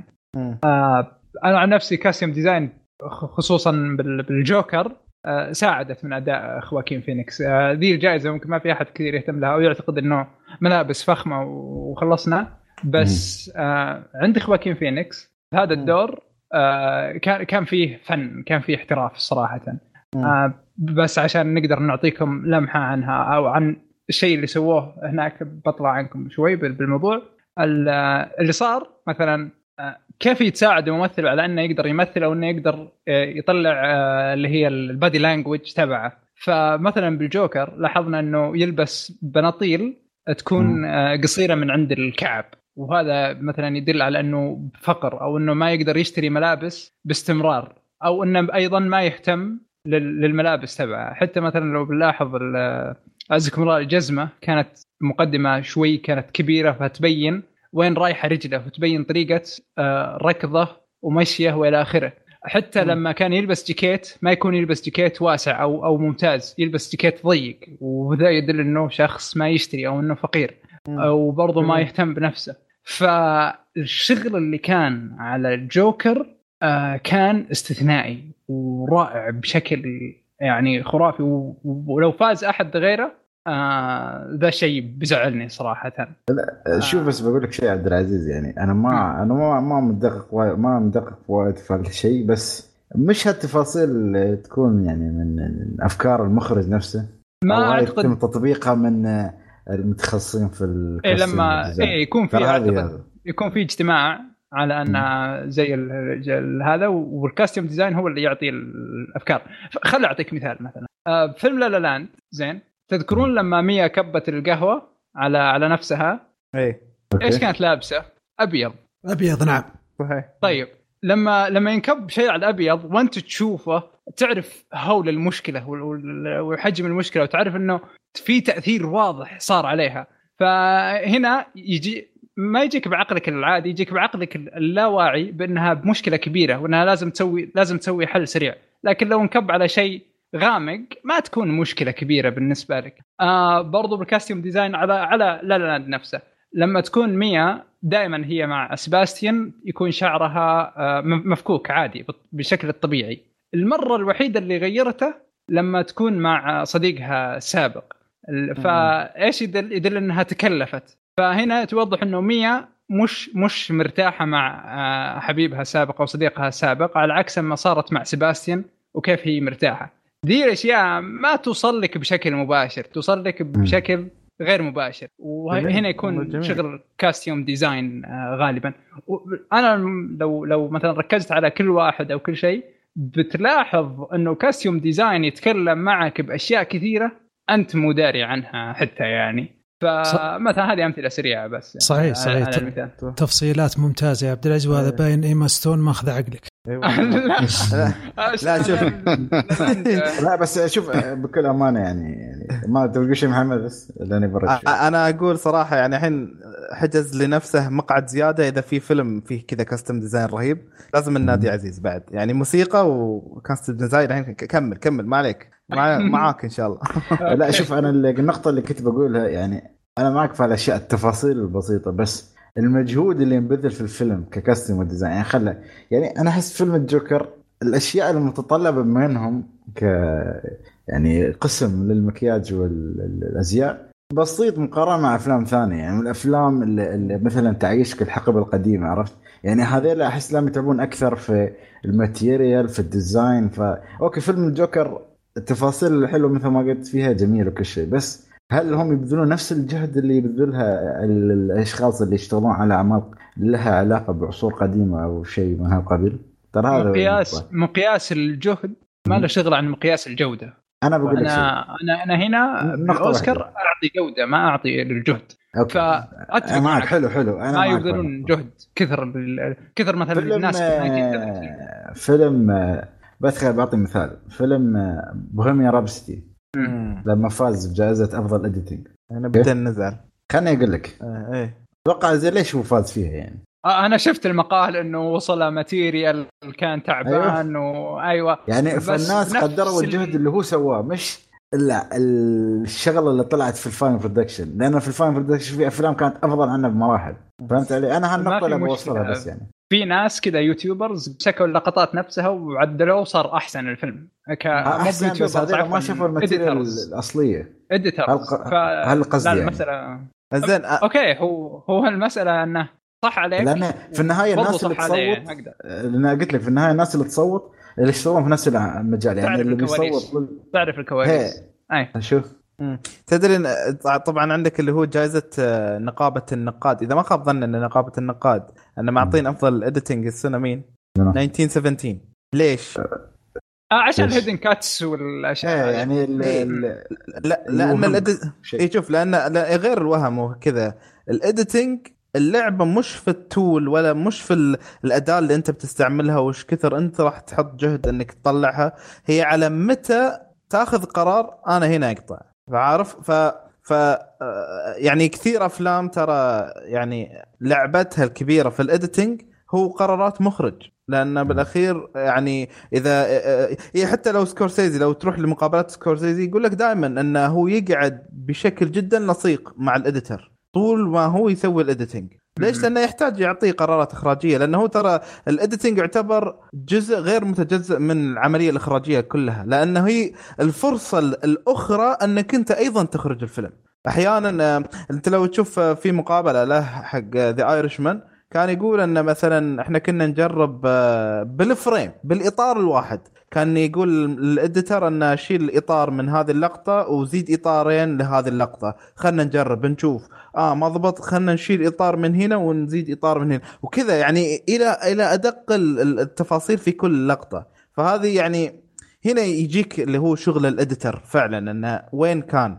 آه فانا ف- ما أدري شو ال- أنا كان القصد يعني ما كنت بوصل لمارتن سكورسيزي بس كان إيه. القصد يعني مرات يمشون على المجهول ترى أو الشيء إيه صح، اللي- صح. إيه إيه ساعه ما, ما نختلف معك ممكن ابدا مرة يعني أنا فاهم الجوكر الجودة. والله في تفاصيل حلوة وكل شيء بس. ممكن في فيلم يستحق خاصة آه، ما أدري عبد الله تقريبا خلصنا كل الفئات ولا؟ أهم الفئات، صح؟ أتوقع باقي أهم- فئتين أهم يعني. بخصوص ف آه، لا، لا، يعني معليش لو. تشوف الجوكر يعني لو تشوف الجوكر ما شاء الله مترشح 11 مرة ف... إيه يعني لا، ممكن هو تستحق أكثر مرشحين إيه فأكيد في جوائز بيخسرها يعني مو تقريبا ما بياخذ 11 من 11 يعني مو Lord of the Rings يعني مم. طيب آه آه، عبد الله عندك شيء زيادة ولا؟ ممكن بس باقي فئتين يعني تسمحوا إيه. لي يعني ما- تفضل. ما تكلمنا عنهم اللي بخصوص ال screenplay اللي هو ك ك كسيناريو مقتبس. آه، فيلم The Irishman Jojo Rabbit Joker Little Women The Two Popes أنا بالنسبة لي ممكن ال- ال- الشيء. الوحيد صراحة ال- الغريب في القائمة هذه ما أدري. جوكر بحكم إنه ما كان ال- الاقتباس حقه معتمد على material يعني معين زي مثلا The Irishman نعرف إنه على رواية معينة أو أو أو The Two Popes يعني على أحداث حقيقية. ما أدري غريب يعني حسيت إنه ما ما أدري. يعني أحس إنه ممكن كان يكون في في كسيناريو اصلي فما أدري. لا أشوف هو أنا أقول لك لأن الشخصية موجودة في الكوميكس وهم ماخذين بناء على. يعني The Irishman صح إنه مقتبس من كتاب بس آه، ما أعتقد مش مقتبس حرفيا يعني. فالجوكر ما أعتقد نفس الفكرة. صح إن احداثه original بالنسبة للكوميكس تقريبا بس بعد يعني هو مقتبس من الكوميكس من الشخصية جايبينها ف هذا okay ممكن كذا. إيه، ممكن كذا. يكون موضوع عمره. طيب آه كسيناريو أصلي آه ال- ال- الفيلم الأول Knives Out Marriage Story 1917 Once Upon a Time in Hollywood وأخيرا Parasite آم، صراحة من من من من أقوى القوائم يعني في يعني اللي. تكلمنا عنها واشوف وأشوف يعني من الأشياء اللي تفرجت عليها Parasite Once Upon a Time in Hollywood Marriage Story Knives Out بالراحة أي واحد منهم يعني ممكن ياخذ ال- الجائزة هذه ف... صحيح صحيح. آه. ترى القائمتين المقتبس والأصلي كل واحد أقوى من الثاني صراحة. فعلا. صح بس ممتازين كلهم ممتازين. طيب محمد بس أنا بضيف نقطة على مش على هالقوائم بما ان خاصه منطقه ختمنا الأوسكار بس بتكلم عن أفضل ممثله هالسنة بما أنك يعني شفت Us وأتذكر إن نحن تكلمنا نحن اثنين في الفيلم. اي صحيح. شو رأيك في لوبيتا نيونغ يعني؟ أنا يعني أنا؟ أحس إنها انسحبوا عليها بقوة صراحة لأنها هي يعني كان دورها جميل جميل جدا ومن أتذكر الفيلم يعني على طول أتذكرها آه، يعني. ممكن أنسى كثير تفاصيل بس هي وجهها وتفاصيلها ولقطاتها دائما أتذكرها فما أدري أحس يعني سحبوا عليها خاصة إن الفيلم يعني من الأفلام اللي في بداية. السنة ما سووا لها. تسويق مثل Get Out يعني Get Out كان. شغال تسويق طول السنة فيعني تأثر شوي بوجوده في بداية السنة آه طيب آه جميل. آه الله يعطيك العافية يا عبد الله. آه طبعا هو آه. حفل الأوسكار بإذن الله راح يكون في 10 فبراير فمتحمسين إن شاء الله راح يكون تقريبا خلال ثلاث أسابيع من الآن. فخلونا نبدأ مع أول فيلم عندنا لليوم. ألا وهو فيلم ال Blu-ray The Lighthouse طبعا The Lighthouse يتكلم عن آه، شخصين المفروض إنهم يكونون آه، أشبه بحراس للمنارة. جاوا يستلمون اللي هو ال- ال- الإلزام حقهم أو الوردية حقتهم لحراسة المنارة لفترة معينة. وانت خلال الفيلم تشاهد كيف انهم هم كشخصيات يعني كل واحد له شخصيته الخاصة واحد كبير وخبير واحد تو مبتدئ في الشغلة وصغير آه شلون بيتعاملون مع العزلة آه شلون آه توزيع الشغل بينهم وكثير أشياء آه داخلة أكثر إنها يعني زي ما تقول مايلة إنها تكون آه عناصر نفسية. ف طبعا الفيلم من إخراج روبرت آه، إيجرز اللي شفنا له سابقا فيلم The Witch في 2015 ومن بطولة الرائع ويليم دافو وروبرت باتنسون. ميزانية الفيلم 4 مليون دولار. آه، طبعا IMDb محصل الفيلم 7.9 في Metascore 83 وفي Rotten Tomatoes 92% خلوني أبدأ أول شيء خليني أبدأ معك يا عبد العزيز. آه، محمد بس عندي اقتراح واحد. إيه. إيه. ما أدري إذا بتاخذونه ولا لا. آه، بما انه ما شاء الله شفت يعني كان في طرطيش كلام قبل التسجيل. إيه. وحاسس إنه في تقاسم في الآراء. إيه. إيش رأيك نأخذ فريق للايجابيات وفريق للسلبيات؟ منها عشان ما نشوف منو بيغلب الثاني يعني. ما؟ أدري. خل خل النقاش ياخذ مع مجراه ونشوف مين اللي بينشد لأي لا لا شوف فريق. خالد خالد اذا اذا إذا انت جا جا جالس يعني تبني الطريق ال- الهواش وكذا ترى الموضوع صاير صاير يعني ما عليك. هو صاير يعني صاير. في في. إيه ما في. في بيصير. الحين أو حيقوم اللي بعده. هذه. إيه، لا هو البوكس قايم يعني قايم هنا صراحة. أنا حبيت أنا حبيت أنظم الموضوع بس يعني. أنا- إيه لا لا ما عليك. بوكس فاهم حتى خلف الكواليس. بالواتساب الحين زين سمعنا يا عبد العزيز إيش عندك من إيش اللي عجبك بالفيلم؟ okay بس آه طيب فيلم Lighthouse آه okay. أنا حبيته بس إني استغربته آه ف يعني ما ما ودي أقول هو فيلم فني آه ولا هو فيلم ممتع صراحة بس إنه آه فيلم فيه عناصر مم. خارقة للعادة صراحة. صحيح. آه والعناصر السلبية أو الضعيفة آه ما هي بكثيرة. إذا هذا إذا ما انعدمت. لكن ما ما أقدر أقول إنه فيلم ممتع برضو. ففيلم مزيج تناقضات معي أنا على الأقل. بس انه لما احص لما أدور إيجابيات فيه ألقاها كثيرة صراحة مرة وتغطي على موضوع اللي هو المتعة وإلى آخره. مثل شنو؟ افلام أفلام مثلا روما مثلا أنا أقرب بيردمان مثلا أشياء كذا كثيرة يعني أو تبغى داخل الفيلم نفسه إي إي داخل الفيلم يعني مثلا آه، داخل الفيلم السيناريو التصوير أم، ال atmosphere في حاجة. بال... بال... بال... بالمسلسلات إحنا إنه الجو العام. لأن ناخذ فترة العام. طويلة مع ال- مع ال... مع ال... هذا فهو أحد أعلى المعايير عندنا. في الفيلم جميل. ان إني أعيشها بخلال هذه الفترة القصيرة شيء خارق للعادة. آه. غير إنه أساسا هو يعني اختيار جدا ممتاز بأنه يكون أبيض وأسود وهذا يعني عبقرية. ولو. تبغون أشرح لكم ليش صارت ذا الشيء بس أخاف إني أطول عليكم. ممكن فتره بعدين بعد شوي ان اعطيكم التفاصيل. ما ودي أطول كلام.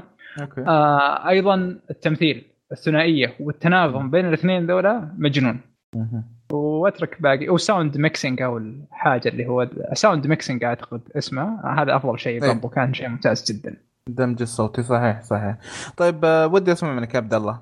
أم آه، okay. ال- الفيلم يعني كان كان فيه صراحة بعض الإيجابيات و وكانت يعني أشياء جدا آه، صراحة يعني فعلا يمكن أنا بذكر أشياء بسيطه ولكن كانت بالنسبة لي هي حرفيا اللي شالت الفيلم. آه، خليني أبدأ مع أولها اللي هو كان ال cinematography، ال cinematography في الفيلم حقيقي كان آه كان صراحة ممتع ممتع جدا للعين. يعني ممكن هذا أمتع تجربة بصرية بالنسبة لي كانت من من فترة طويلة ممكن من بعد روما السنة اللي راحت. إيه. فيا يعني ال cinematography كان جدا جدا ممتاز. وزي ما ذكر عبد العزيز نقطة مهمة كان خلط الأصوات في الفيلم. وال sound mixing كان جدا رائع. يعني بين بين الحوارات وصوت البحر وبرضه صوت ال ال يعني الصوت المزعج حق المنارة كان كان جدا جدا رائع وفي نقطة جدا مهمة في الفيلم اللي هو الجو العام اللي الفيلم يخلق لك سواء من ال- ال- ال cinematography ال sound mixing الاختيار لل frames بالضبط إنه أنا ما أدري والله مصطلحاتكم المخرجين ما أدري شو يسمونها بس يعني لما يكون كذا ال frame ثابت فتشوف الشخصية كذا يجي إيه،. من من, من منطقة اي اي من منطقة إحنا يعني مثلا يكون جاي كذا داخل من اليمين ورايح ال- ال- النقطة معينة أشبه ما يكون في في في أسلوب ويس إندرسون. إيه صح. فبالنسبة لي. الجو الج- أي ال- الجو العام الجو العام للفيلم كان جدا رائع. وممكن من الأشياء اللي ساعدت برضو اختيارهم للمقاس ال frame اللي الفيلم كان ماشي عليه أو أو مقاس ال- الصورة. يعني كان كذا يعطي نوع من من عدم الراحة وكان هذا اللي أتوقع الفيلم كان جالس يحاول يوصله. و... و... وأخيرا بالنسبة لي الثنائية ويليام ديفو وروبرت باتنسون. اولا روبرت باتنسون يعني أنا ماني من أشد المعجبين فيه بس حقيقي بعد الفيلم هذا لا يعني أعطاني كذا شوية بصيص أمل في في دوره كباتمان. فجدا جدا صراحة يعني كنت متشائم بشكل جدا قوي فالآن لا يعني حسيت إنه ممكن يؤدي. ما لا زلت على بعض قناعاتي بخصوص دوره كباتمان.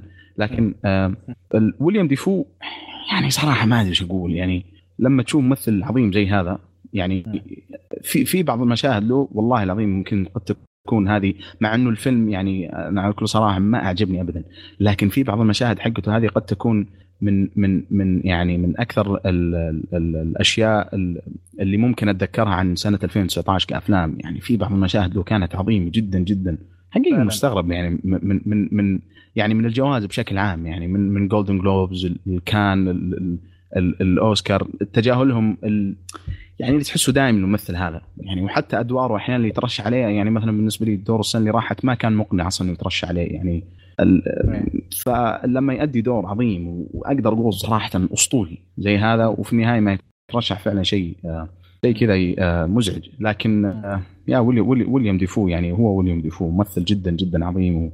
وبالنسبة لي صراحة في مرحلة من الفيلم هو اللي شال الفيلم. يعني حتى يعني روبرت باتنسون كان أدى كويس لكن كان بالنسبة لي هو اللي شال الفيلم. بال... يا. بال... بال... بالمونولوجات اللي قدمها. إي يعني إيه. وكان برضو من الأشياء اللي ساعدت إنه ويليام ديفو يطلع بالشكل العظيم هذا كان أسلوب الإخراج للحوارات اللي ويليام ديفو يقدمها. يعني لما اختيار زوايا التصوير لما تكون الكاميرا كذا تناظر له تناظر له من فوق يعني كان جدا جدا صراحة آه، جدا ممتاز.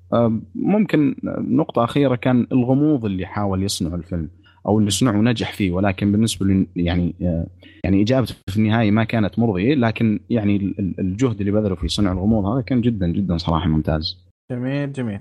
طيب آه، ودي أجل أسمع منك يا ضيدان. اي عاد اي اي إيه، قول. back ground الشباب ما قصروا يعني.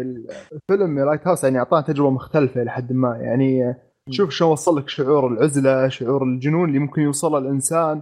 الأجواء في ذاك الزمان والمكان قصص البحارة والقصص الشعبية والأجواء العامة في ذاك الوقت. حتى استخدام مثل ما قال عبد العزيز الابيض اسود آه، كان يعني كان له معنى كبير والاطار الضيق اللي يسمونه اللي 1.1921 اللي يشبه بالمربع.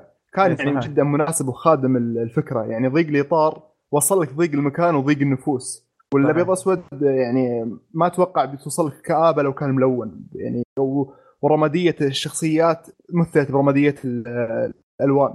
ف...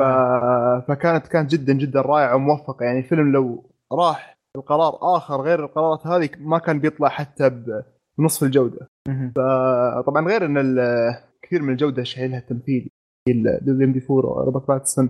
شيء شيء مو طبيعي. يعني في مشهد كان آه، اللي شاف الفيلم يعرف قصدي اللي اللي كان فيه what what آه إيه. و hark هذا المشهد إيه. الحالي يعني عبارة عن تحفة يعني آه المشهد هذا ما طبيعي ما هو طبيعي حتى حتى اخراجيا زوايا الكاميرا مثل ما قال عبد الله آه، لما تكون كاميرا من تحت لما تكون شخصية أعلى من شخصية في المكان آه كل واحدة لها مقصدها ومعناها آه بشكل يعني غير طبعا مثل ما أتوقع المخرج أعطاه النص قال له أبد روح انت روح بطريقتك. لأنه صراحة يعني ادى بشكل ما هو طبيعي. يا أنا خفت. المشهد. ذاك أنا اللي اللي مالي دخل أنا خفت عرفت؟ اللي أحس يكلمني. فكان. كان يعني آه، جدا آه، جدا جدا ممتاز.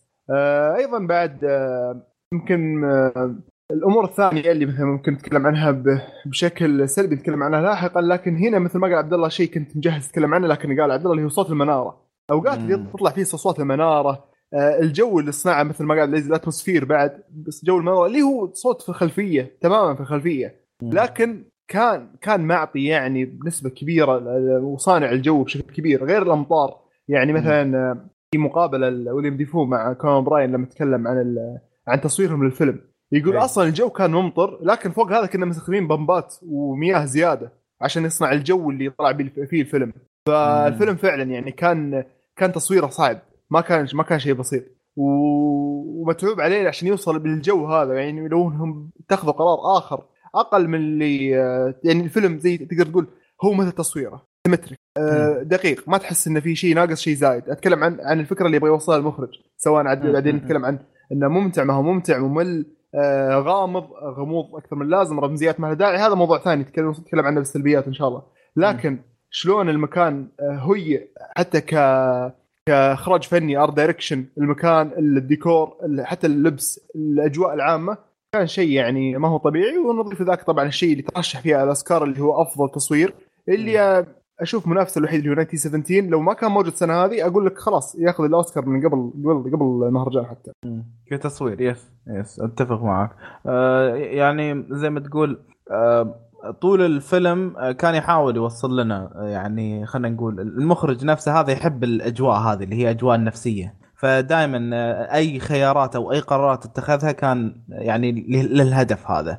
فودي قبل ما يعني ودي إني أسمع من أبو باسل أكثر الحين عن الإيجابيات. أتمنى يكون عندك إيجابيات يعني.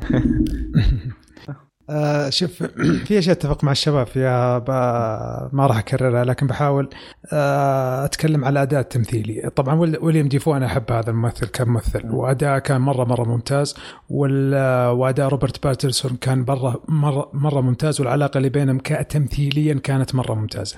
الإخراج الصوري كمشاهد آه، تكلمت عنه كفن مخرج كان ذا جودة ممتازة. وجودته ممتازة في إخراج ال- المشاهد حركة الكاميرا طريقة سرد ال- التفاصيل عن طريق الكاميرا كانت مرة ممتازة من الناحية هذه. الموسيقى التصويرية كانت مزعجة وغير مريحة وتوصلك للهدف وغاية الفيلم. آه كان في ترقب لا بأس فيه في الفيلم. آم، يعني ما أبغى أكرر اللي قالوا الشباب مثلا ال- إن الفيلم فيه رمزيات كثيرة الأبيض والأسود تهدف لأشياء كثيرة وزي كذا لكن تقريبا هذه الإيجابيات. أوكي. وخالد؟ أه والله الصراحة ما أعرف شو أقول لأن ما شاء الله الشباب قالوا كل شيء بس إذا بضيف إضافات بسيطة يعني عن نقاط م- معينة جدا يعني مثل ما قالوا الفيلم ما في شوف الفيلم ما في ذاك كمية الحوار الخرافية بالنسبة لمدة الفيلم. في أوقات هدوء كثيرة بس مش هدوء. يعني أنا يمكن ما في لقطة في الفيلم سمعت صوت سكينة. يا صوت منارة المزعج يا صوت أصوات. يعني حتى ما تخليك ترتاح شوية نفسيا. يعني هذا الرجل عايش كمية ضغط من المكان من ال... من ال- الشخص اللي المفروض يكون مساوي له ولكن يعامله كآمر الناهي يعني. فجدا الفيلم مثل ما قال أبو باسي يوصل لك الرسالة إنك أنت ما ترتاح ولكن هذه الأشياء توصل لك أشياء ثانية أنت كمشاهد يعني. okay وصل لك الرسالة ولكن هذا ولكن بنتكلم فيه في السلبيات أكثر يعني. okay. والتمثيل طبعا أنا مع الشباب في كل شيء يعني كل شيء تمثيل و... وإخراج وكل شيء. آه شوف آه هو الحين طبعا كفيلم يعتبر فيلم حالة. فيلم الح- الحالة طبعا حالة عزلة. آه، فال- ال- عشان تقدر توصل هذه الحالة تحتاج شخصيات وشخصيات مبنية بشكل مرة ممتاز. وهذا اللي شفناه. شفنا أن تصميم الشخصيات كان آه، دقيق جدا. يعني شفنا شخصية ويليام دافو والتدرج في شخصيته رغم ان إحنا كنا ما نشوفه كثير في الفصول الأولى آه، كنا مركزين أكثر على على روبرت باتنسون. لكن لكن قدرنا إن نعرفه من أول مشهد له أو أول مشهدين من نظراته البسيطة أو حتى من شغلة سواها لما كانوا في الغرفة. يعني في شغلة ما أحب أقولها بس إنه سواها تعرف إنه حقير عارف؟ ف فبعدين مع الحوارات تبدأ ان تتدرج يعني حبة بحبة لين ما توصل لمرحلة ان تعرف إن هذه شخصية ويليام دافو. روبرت باتنسون أيضا من الجهة الثانية ان إن كان آه، دخله ال- ال- الكاتب المخرج اللي هو روبرت آه، دخله في روتين معين في خطوط مختلفة إلين يوصله لمرحلة معينة تخلينا نعرفه آه، أكثر وأكثر. يعني إحنا مثل ما هي الشخصيات ما يعرفون بعضهم فهم قاعد يتعرفون على بعض فاحنا قاعد نتعرف عليهم من خلالهم. فيعني آه، هي كلها قائمة عليهم هم الثنائي. انه يعني شلون هم يشيلون بعض وشلون يشيلون إحنا كمشاهدين عشان نوصل لمرحلة العزلة هذه. فهذا اللي يعني يمكن أكثر شيء يعني قدرته بالفيلم. هذا غير انه يعني أوكي هم ككتابة كانوا ممتازين في التدرج هذا ووصلوا لنا بشكل ممتاز. أن هم أصلا كممثلين شلون شالوا ال dialogue يعني المح... الحوارات كلها المونولوج اللي هو كل واحد وحوار ال- اللي خاص فيه لحاله ال... كيف أن اكتشفوا تفاصيل عن بعض آه، كيف كثير التف... يعني آه، كيف ال... ال... ال- الخطوات أو خلينا نقول ال- ال- اللحظات اللي تعرفنا فيها على تفاصيل مهمة ممكن إنها تكون منعرجات بالفيلم. فممكن هذه أكبر إيجابية بالنسبة لي وما بكرر كلام الشباب لأنه في التصوير صحيح كان رهيب وممتاز وأيضا في التمثيل كان جدا ممتاز. فهذا كان بالنسبة لإيجابيات الفيلم. بالنسبة للسلبيات طبعا نبي نبدأ معك يا أبو باسل بما إن إحنا ما سمعنا صوتك كثير في ال- في الإيجابيات صراحة. طيب بسم الله. إيه. شوف الفيلم يعتبر آه، فيلم فني. يعني أقدر أقول لك إن ذا جودة ممتازة. هذه كبداية خلاص. لكن الفيلم بالنسبة لي طلع مقلب. فيلم سيء بجميع تفاصيله حتى لو قلت لي فيه الرمزيات وال يهدف من كذا ولا ال- ال- ال- ال- الطائر كان يطير بالزاوية الفلانية علشان كذا ويوم مشى مشى دخل رجله اليمين عشان كذا والرمزيات اللي في الفيلم والموسيقى كل هذه أنا أبغاها كمج كمجمل سيئة.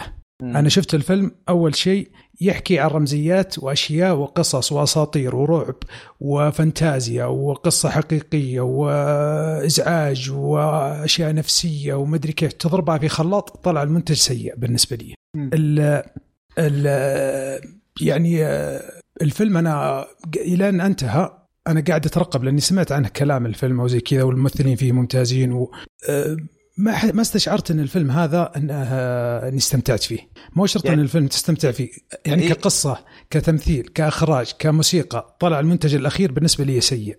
أنا أحس إن أبو باسل لو ما كنت بتتكلم عنه كان وقفته في النص صح؟ آه نعم يعني okay. يعني حتى في الأخير أقول خلينا نشوف نهايته خلينا نشوف نهايته آه، طينها عرفت. يعني في بعض المشاهد أنا ما أبغى أحرق لكن قلتها لضيدان في البداية إيه. آه ما أدري يمكن الفيلم ما هو لي يمكن أحد يشوفه راح يستمتع فيه راح يقول ممتاز له رمزيات وما ادري كيف.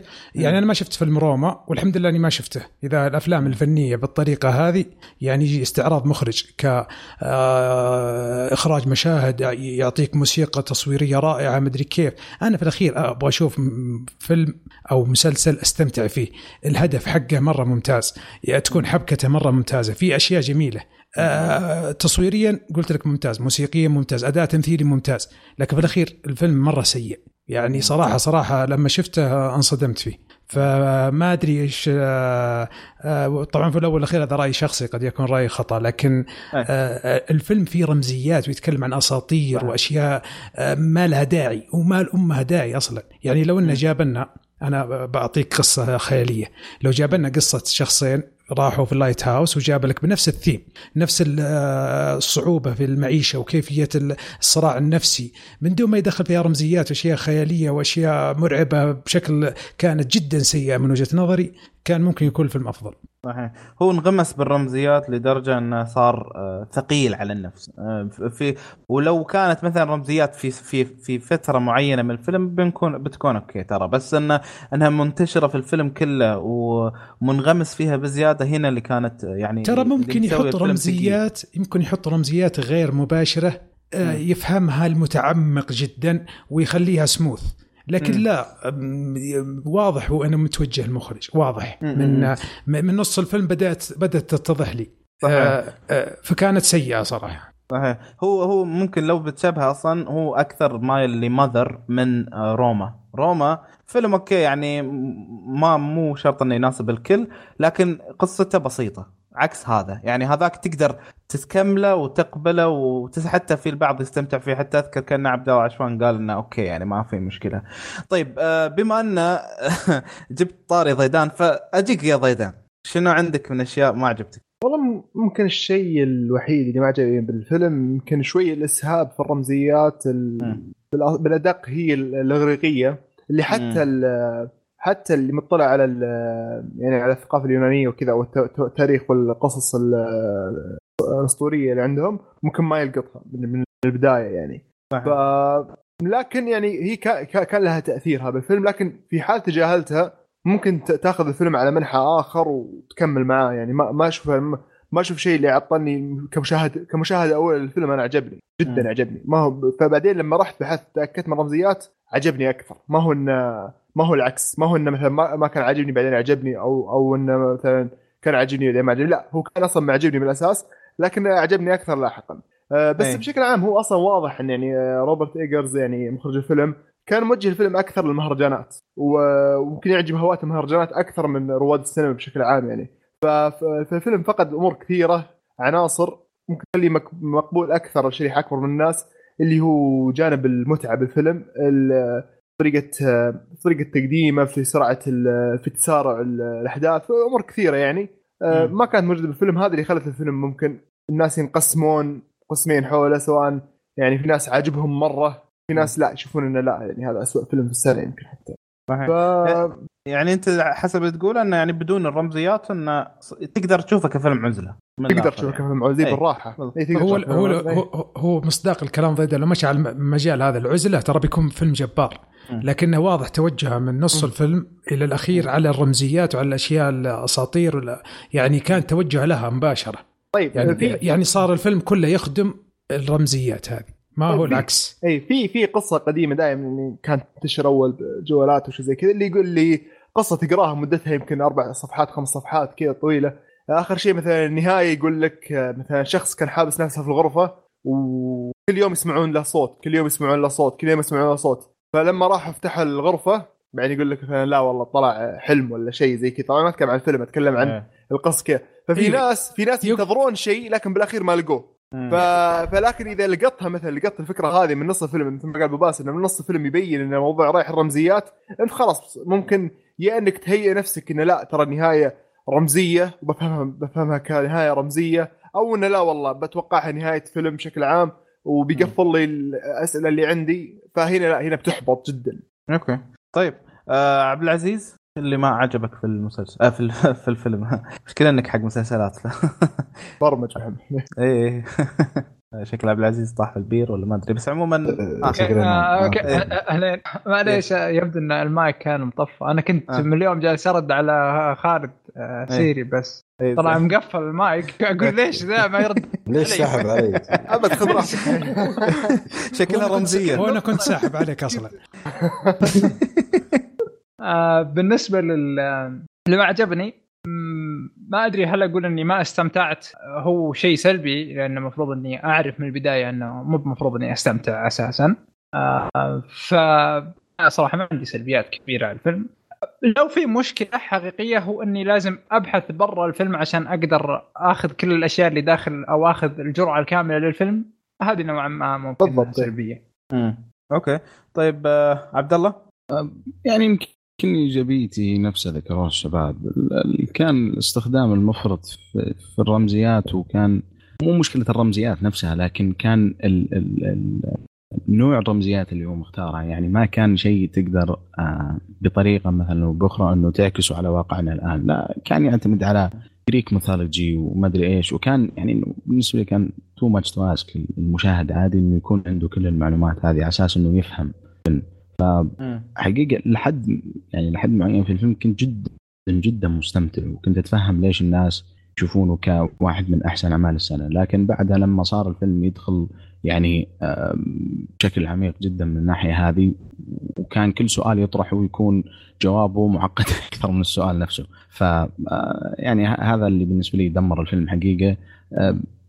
كان كان تجربة بالنسبة لي ما أتمنى صراحة إنه أمر فيها مرة ثانية بس ال- الفيلم يتطلب جهد معين. يعني حتى حقيقة لما لما لما أتفرج على فيلم وأكون كذا في نصه وجالس جالس أفكر إنه لما أخلص الفيلم بروح أتفرج على مقطع يشرح لي وما يشرح لي وأنا already في نص الفيلم وماني فاهم غالب الأحداث اللي جالسة تصير. لا هنا أنا بالنسبة لي أشوف إنه مشكلة في اسلوب الطرح ال- ال- اللي الكاتب أو المخرج اختاره.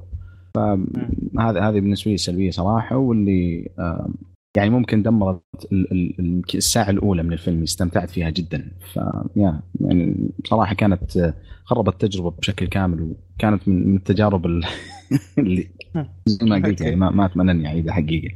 okay. أنتوا يا جماعة الخير أنتوا بس لو مس- مسجلين لكم صوت عبد الله أول ما بدأ أول ما كذا دخل ال TeamSpeak صراحة. يعني لا كان يعني أنا أنا معبر. أنا شفت لا، الفيلم طازج يعني شفت اليوم ال- الظهر والعصر فال يعني لا لا زال شعور الكآبة هذا وضيق الصدر. حسبي الله عليهم بس. لا لا فات فا- فاتكم حاجة يا شباب. دخل ضيدان في البداية يمدح. قلت له حاجة في مشهد ما أبغى أقول عشان حرق. آه إيه. شو آه شوية ضيدان خلاص آه، قلب من يمدح الفيلم إلى يسبه. عرفت؟ ف ما أدري كيف. إيه، أي. آه، لحظة. إيه، خلاص فاهم معك بعد التسجيل طيب. طيب صارت. عادي عادي أقول كلمة بس بس تكون حرق. آه. ها تبغى نقولها ولا لا؟ تلميح أنا ما, يعني ما, ما. أنا ما اذكرني سبيت الفيلم ابدا فتعالي خاص. طيب. طيب عندنا خالد بس ما سمعنا رأيك. شنو في شيء ما عجبك بالفيلم؟ أه شوف الأمانة يعني كل الإيجابيات يعني كانت شايله الفيلم. بس الفيلم ترى يبغى له مزاج معين عشان تشوفه. يعني ابدا ما ينفع تشوفه وأنت مروق. لأن تكره الساعة اللي أنت اخترت تشوف الفيلم. فيلم يعطيك جرعات كبيرة من الأشياء النفسية اللي خلاص. وفي كمية قزز يعني صدق يعني أنت مو بس أوكي هو صح إنه هدفه إنه ما يخليك ترتاح وأنت تشوف الفيلم بس أنا ابدا ما كنت مستعد إني أشوف الفيلم. يعني أنا كنت ماخذ اتجاه مثل ما قالوا الشباب اتجاه القصة النفسية اللي ما فيها ذاك الخيال اللي بيخليك و... و... و... يعني مخلوقات بحرية وأشياء أنا كان ودي أن أشوف هالشخصين إيه. في الجزيرة مع كيفية أنهم يعني شو الأشياء أو شو الأشياء اللي بتخليهم يوصلون لمرحلة أنه بيسوون أي شيء بس عشان يعيشون عرفت. أنا كنت أتمنى أن تكون هال المحور الأساسي للقصة يعني. بعدين وصلوا الأشياء والمنارة و أنا قلت هني خلاص. أنا صراحة جدا جدا ما استمتعت ولا آه، قدرت الفيلم. صح انه في أشياء كثيرة تقدر في الفيلم كتمثيل وإخراج. بس ال package الكامل لما يالي ابدا ما قدرته ما ما وما ارتحت معه. يعني ممكن هو يباله أنا أحس يباله مزاج معين عشان تشوفه. يا تكون. نفسيتك مرة down يعني لا تدش عليه وانت مستانس. بتزعل وانت طالع منه. يعني. أنا هالاستوالي بالضبط يعني. ما أختلف عن رأيك تماما. يعني أنا دخلت الفيلم اولا اولا للأسف يعني يعني ما رفعوا لي إياه للسماء للأسف. آه، فدخلته آه، كجودة فيلم كان عاجبني حيل. وفي أشياء قدرتها كثيرة. يعني حتى في أشياء أتذكرها للحين في أشياء آه، حوارات بالتحديد يعني إن إن أعيدها ما عندي مشكلة بس لما تجيني مثلا تقول لي هل تنصحني أتابعه أقول لك تكفى ابعد لأن. بت... يعني بتخترب. علاقتنا إي والله. اركض إي اركض اركض إي لأن فعلا لما طلعت من الفيلم طلعت ماني يعني ماني مستمتع وماني مرتاح يعني في الحالتين أحس انه أتفهم ممكن اللي عاجبه الفيلم بس ما أقدر أقول إني أنا عجبني كثير آه، أو لا ممكن عجبتني في أشياء بس ما أقدر أقول إني أنا يعني أقدر أرجع له وأقدر أستمتع فيه. طيب هو فيلم محمد بس يعني هو إيه. فيلم فني إيه. موجه للناس وفي أفلام فنية كان فيها عامل المتعة يعطيك يعني عام يعني الصراحه أنا في عوامل كثيرة عامل الترقب مم. ابدا يعني okay كان في غموض ويخليك تترقب لهدف معين توصل له للنهايه ولكن الجواب يطلع بعد آه، مش satisfied أو ما يخليك ترضى بالشيء اللي حصلته. والشيء الثاني بعد عندك آه، مثل ما قلت استغفر الله عامل الأول الترقب آه، خلاك تترقب على أشياء ما تسوى يعني صراحة يعني. هي. فهذا الأشياء اللي صدق أحبطتني يعني. يعني بس لو في عامل واحد ركزوا عليه أكثر من العوامل الثانية أنا أحس ان اتشتتوا وركزوا على مليون ألف شيء. فضاعت القصة يعني. أنا صح إن القصة موجهة لأنك تفهم شيء في الأخير ولكن أنا ما ما كنت ابدا مهتم بهالشيء يعني. لا شخصيا أنا أشوف يعني بخصوص عنصر المتعة يمكن أكثر أكثر كلمة تكررت بالفيلم إن المتعة فيه قليلة أو ما سم- ما حد استمتع فيه نهائيا ولا شيء زي كذا. ممكن شوف موضوع المتعه ممكن يختلف من شخص لشخص يعني. ممكن شخص. يشوف يشوف فيلم مثلا بارد جدا أحداث ما فيه أحداث وذا ويستمتع مثلا بالحوارات. يجيك شخص ثاني يمكن هذا الفيلم كله حوارات وش الممتع فيه. ف فتفرق من شخص لشخص. آه شخصيا يعني أشوف إني استمتعت بالفيلم. ما هو إني ما استمتعت لا استمتعت بالفيلم وعلى كلام محمد إنه ما يشوفه ثاني لا أنا ناوي أشوفه إن شاء الله قريب يعني مرة ثانية. أنا رجعت أشوف بعض المشاهد منه آه وناوي أشوفه كامل مرة ثانية لعدة عناصر لأن لأن ترى الفيلم في يمكن عنصر ما ذكرناه البناء النفسي بال بالفيلم شيء مو طبيعي. البناء النفسي. شلون يوصل لك آه، يعني آه، من أول لقطة لما كان- لما كانوا يطلعون الكاميرا إلى آخر لقطة الفترة هذه البناء اللي صار في الشخصيات شيء يعني ترى جودته جدا عالية و... صحيح. وخدم التمثيل صحيح والكتابة بعد يعني كانت كانت ممتازة جدا. ف... طيب ضيدان بالنسبة للنقطة هذه الله يعطيك العافية. أتفق معك في البناء النفسي فيها لكن المحصلة النهائية للبناء النفسي إيش هي؟ nothing عرفت؟ لا ما هي nothing النهايه إيش إيش صار؟ يعني ما- اخر آخر مشهد أو المشهد قبل الأخير. لا يعني اللي أقصده ان يعني لو ان الصراعات النفسية أو البناء النفسي وصل لك نهاية الفيلم إنها تكون كذا أقول لك ممتاز. لكن البناء النفسي في الأخير يجيك. لا هذه mythology إغريقية بتصير كذا. يعني البناء النفسي اللي في الأول ما منه فائده لا لا له فائده لأن لأن المشهد اللي قبل الأخير غير المشهد الأخير طبعا معروف اللي اخر آخر خمس دقائق لا أتكلم عن المشهد اللي قبله. يعني قبل قبل آخر خمس دقائق هذاك اللي أعطاك محصلة محصلة ال- البناء النفسي اللي صارت من أول مشهد من أول مشهد لين أول حوار وأنت رايح. هناك انها لكن النهاية اللي هي اخر آخر لقطة المعروفة اللي ارتبطت في الميثولوجي.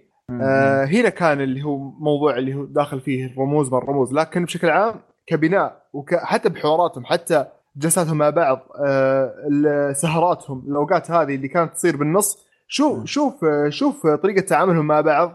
إن مروا بمراحل يعني ما أنا أبغى احرق الفيلم لكن شوف هاي الوحيدة اللي تحس انه في عامل مصداقيه صراحة يعني تحس انه صدق أوكي هذا شيء ممكن تبني عليه الفيلم علاقتهم إيه. وكيف ممكن تتدهور أو تتحسن إيه. على حسب عط- أعطاك برر معها بشكل متوازي اللي هو ال- الأمور الرمزية الرموز ال- الإغريقية والأمور هذه تقدر تاخذ الفيلم الحاله ممكن بس الشيء الوحيد اللي ما راح يعجبك اللي هي النهاية اللي هي ربع النهايه اللي هو اخر آخر دقيقتين في الفيلم. هذا الشيء اللي يمكن عليه كثير من الناس. لكن لو تأخذ الفيلم كاثنين وصلوا وصلوا المنارة ومروا بكل الظروف اللي مرت فيهم آه بتعاملهم مع بعض تسلط شخصية على شخصية بعصيان شخصية للشخصية الأخرى بال بالظروف اللي مرت الغير منطقية اللي حصلت. يعني آه، شيء اللي ما كان متوقع مو غير منطقي خلينا نقول غير متوقعة اللي حصلت لهم.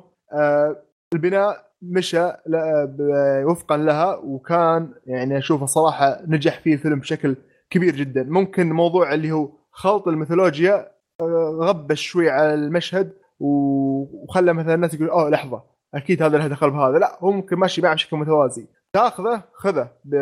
يعني آه، إذا كنت فاهمه طبعا يفضل. ممكن حتى ترى الفيلم يعطيك يعطيك مجال إنك تفسر حتى. آه، لكن إذا تبغى تأخذ الحالة تقدر تأخذ الحالة. بتروح بجهة الميثولوجي زي كذا ممكن هنا اللي هو يعتبر فجوة للسلبيات إنها تدخل عليها. فهذا طبعا نتكلم عن الآخر آخر دقيقتين بالفيلم اللي كثير ناس اختلفوا عليها. جميل جميل جدا. بس طيب. أبغى أرد على شيء بس. اي نقطتين سريعين إيه، تفضل. شوف أنا معك إني أرد أشوف الفيلم آه، مو في استغفر الله أشوف فيلم أشوف لقطات من الفيلم خاصة اللقطات الحوارية اللي فيها أه بس أشوف الفيلم الثانية آه، يعني يعني أقول لك أنا بالنسبة لي بالنسبة لي والله أقول stop يعني خلاص. أه أه هاي كفيني اللي شفته. الشيء الثاني أه سالفة أه الأشياء والرموز والأشياء. يعني آه، هل هل المفروض إن إحنا نفهمها أو لا؟ أو هل المفروض علي أنا كمشاهد أكون فاهم كل شيء قبل ما أدخل؟ لأن في أفلام تعطيك أشياء مخفية وتفهمها يعني بعدين الفيلم يعطيك طريقة بسيطة في شرحها. يعني تكون إيه، اشياء مخفيه صح. مو بلازم أراجع شيء أو ها لا الفيلم نفسه يعطيني في في تلميحات وفي النهاية ممكن يشرح لي بعض ما يشرح لي يعطيني شيء إنه يخليني أفهم التلميح عرفت؟ شوف بس آه، إن شوف يا خالد آه، مشكله الفيلم هذا إنه ان الرمزيات والميثودولوجي اللي فيه الأغريقية ما هي جاية بشكل رمزي أو شكل في الخفاء تقدر تتغاضى عنه، لا هذه ركن أساسي في الفيلم والفيلم متوجه لها، يعني لو تشيلها من الفيلم راح تشوف إبداع صوري وموسيقى وأداء تمثيلي بس لا قص يعني الفيلم كامل انتهى. ما تقدر تشيلها. يعني آه، الفيلم متوجه لهذا الشيء وهي ركن أساسي في الفيلم. لو تشيلها ترى انقطع الفيلم كأنك قصيتها من النص. عشان كذا قلت لك من بعد نص الفيلم شفت توجه الفيلم كان مرة سيء وفي الأخير تحقق توقعي. إن إن الرمزيات شيء ركن أساسي في الفيلم. ما هي يعني أنا أختلف مع ضيداني يقول إنها كانت بالتوازي تقدر ما تفكر فيها. لا هي جزء أساسي يعني. هو هو إذا ما فكرت فيها بيفقد الفيلم كثير. ما ما يعني مو. معك. لا لكن ما في فيلم.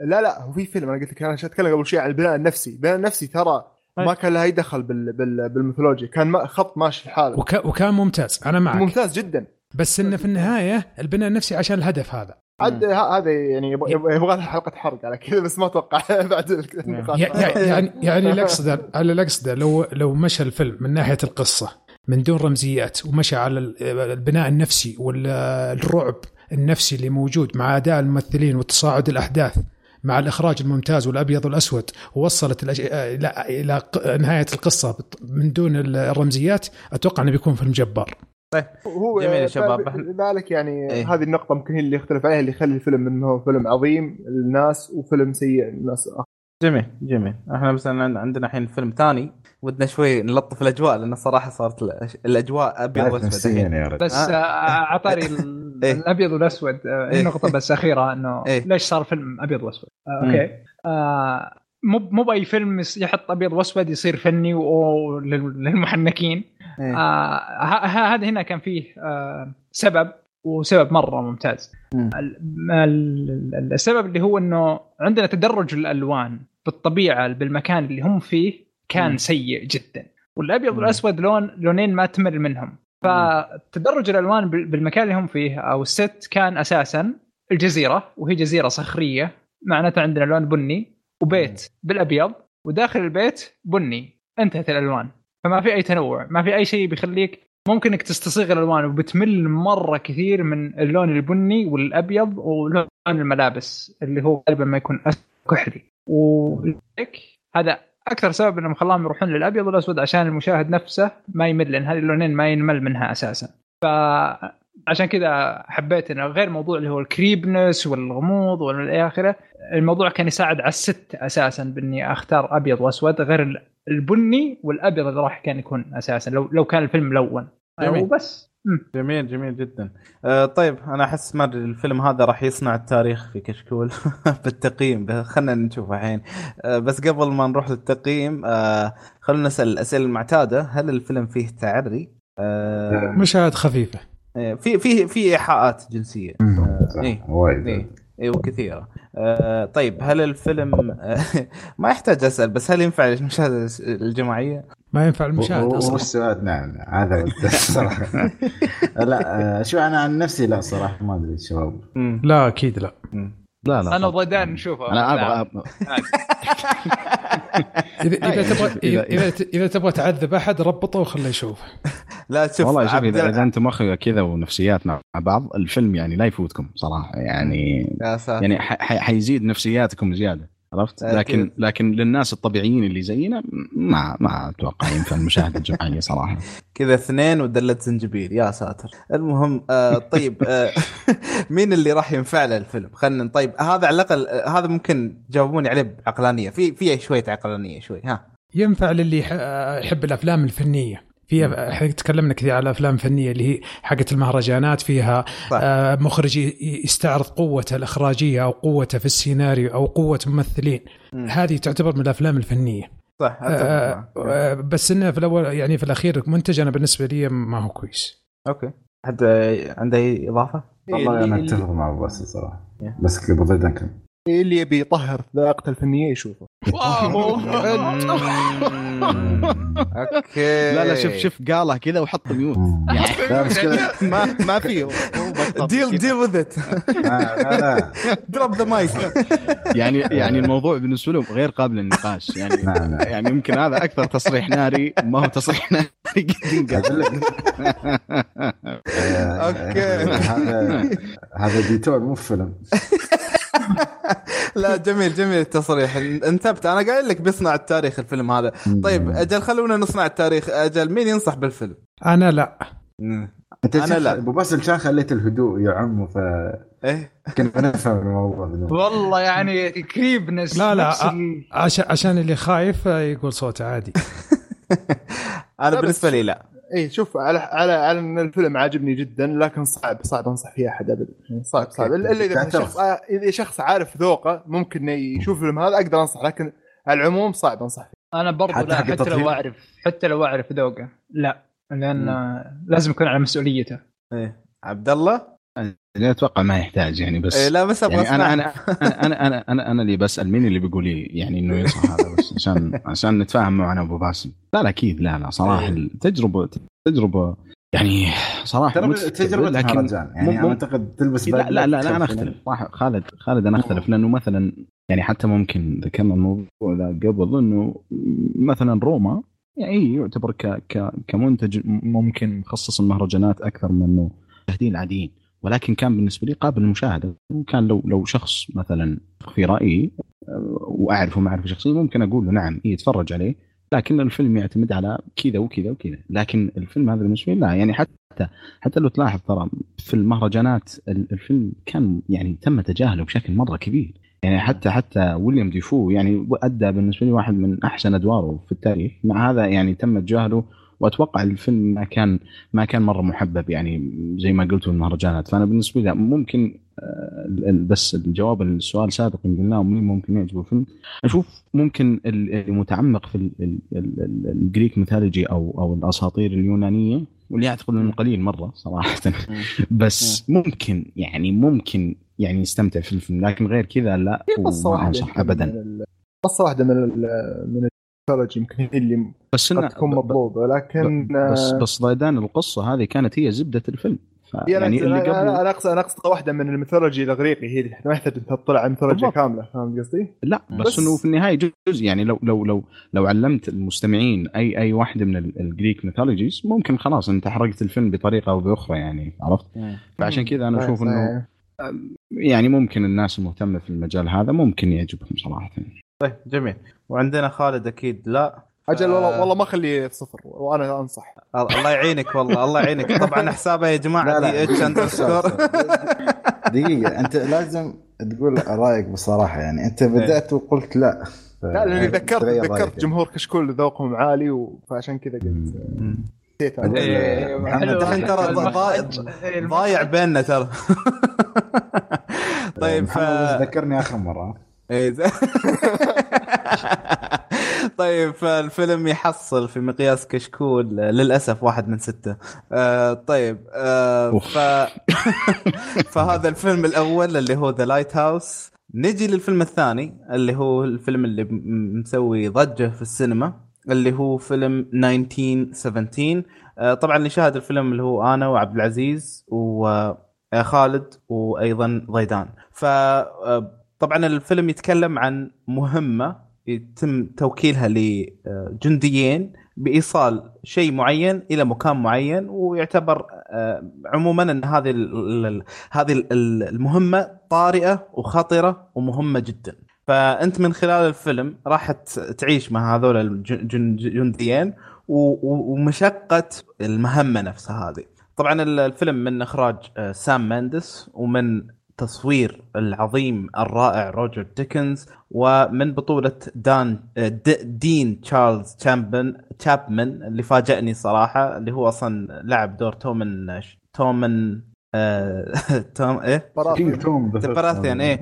آه إيه آه تومن باراثيون في Game Thrones وفي عندنا أيضا ممثل جورج ماكي عندنا أندريو سكوت وبندكت كومبرباتش. الفيلم كانت ميزانيته ما بين 90 إلى 100 مليون دولار. وحصل في IMDb 8.7 في Metascore 79 وفي Rotten Tomatoes 90% ودي أسمعك يا خالد بما إن إحنا يعني بدينا بالشباب فودي أبدأ فيك الحين. خبرني إيش رأيك بالفيلم؟ آه، شوف أنا صراحة ما أعرف آراء الشباب بس أنا هاي من الأفلام اللي جدا استمتعت فيها. قصة جدا direct واضحة. مثل ما قلت انت شخصين يرسلون رسالة لتحقيق هدف. معين في الحرب العالمية الأولى. جميل. آه، الفيلم هذا وصل لي شيء من آه، ال- ال- المعاناة في الحرب العالمية الأولى وكيف كيف تشوف تفاصيل الحرب خاصة يعني لازم تعرف أهوال الحرب خاصة تعرف في كلام ال social media على هالأيام يعني إنه ماخذين الموضوع آه، نكتة. هالفيلم يراويك ان الموضوع ابدا ما يعتبر نكتة. يعني أجواء الأمراض ال- الأسقام اللي موجودة نفسيات الجنود عدم معرفتهم للزمان والمكان اللي هم فيهم لدرجة انه خلاص ما قام يكون مبالي يعني. في وايد تفاصيل تخليك تعيش أجواء الحرب العالمية الأولى. ها أول شيء الشيء الثاني اخراجيا اللي ما أدري شو يسمونه بس أعتقد اللي يس... ما أعتقد يسمونه follow up camera إنه تلحق شخصية معينة وانتقالها بين الشخصيتين اللي كانوا موجودة ويانا في الفيلم. ومتى يركز على هالشخصية ومتى يركز على هالشخصية الثانية يعني تفاصيل جدا جدا جذابة وفي طبعا الكلام اللي طلع وايد عن الفيلم اللي هو الون شوت بس اللي. وان شوت بس بطريقة فيها التواء بسيط يعني ما يخ... ما يخليك تلاحظ إلا إذا دققت يعني. فأنا بس بعطيك هذه النقاط البسيطة وأتمنى الشباب يكملون علي من ناحية التمثيل وهذا. وإذا إذا يعني هم خلصوا ممكن نرجع ونركز على النقاط الثانية عشان أنا صراحة ما باخذ عنهم الكلام لأن أحس انه في ناس خاطرة تتكلم وتعطي يعني. أوكي. منهم جميل. أنت يعني. جميل جميل. آه طيب آه ضيدان؟ إيه الفيلم 1917 يعني صراحة أنا توني شايفه أمس أمس أول أمس إيه. آه، صراحة فيلم آه، جميل يعني آه، شخصيا أنا أفضل آه، الأعمال اللي تتناول الحرب العالميه الأولى أكثر من الثانية يمكن الثانية نتشبعنا منها يمكن لكن الأولى ميزتها إن حتى بيئتها جاية خلط يعني بين الماضي والمعاصر. آه لا زال يستخدمون السيوف لا زال يستخدمون الخيول لا زال يستخدمون آه بعض المعدات البدائية فالأجواء المصنوعة بالفيلم آه ك art direction ك آه، حتى ملابس الأمور هذه كلها كانت يعني بالفيلم آه، دخلك بالجو آه، بشكل عام الفيلم يعني آه، أكثر شيء مميز فيه تقدر تلاحظه من أول دقيقتين التصوير يعني تصوير. روجر ديكنز يعني أحيانا أنسى إذا واحد سألني من المخرج أقول له روجر ديكنز عرفت لأنه. لأنه هو اللي كان ماسك ال ال اللي هو cinematography مم. ف آه، كان شايل الفيلم بأسلوب اللي هو ال one take هذا. هو two takes يعني بس إنه بشكل عام آه، آه، كان معيشك الجو جو التجربة جو توصيل الشغلة اللي تكلمت عنها. ال- مرور الوقت إنه يح- يحسك كل ثانية يعيشها الجندي هذا. آه، التمثيل طبعا يعني آه، الشخصيه الرئيسيه آه، كان جدا ممتاز اللي هم آه، دين آه، تشابمان وجورج ماكي آه، حتى الشخصيات اللي كانت جاية أقرب إنها كضيوف شرف آه، كان تواجدهم جدا ممتاز. و- وأدائهم يعني حتى على مناصبهم العسكرية كان جدا جدا مناسب. الفيلم بشكل عام يعني آه، فيلم جميل. وفيلم يعني لازم ينشاف في السينما. ما يعني ما فعلا. ابدا ابدا ما أقدر أقول لك انتظر ينزل. يعني صح.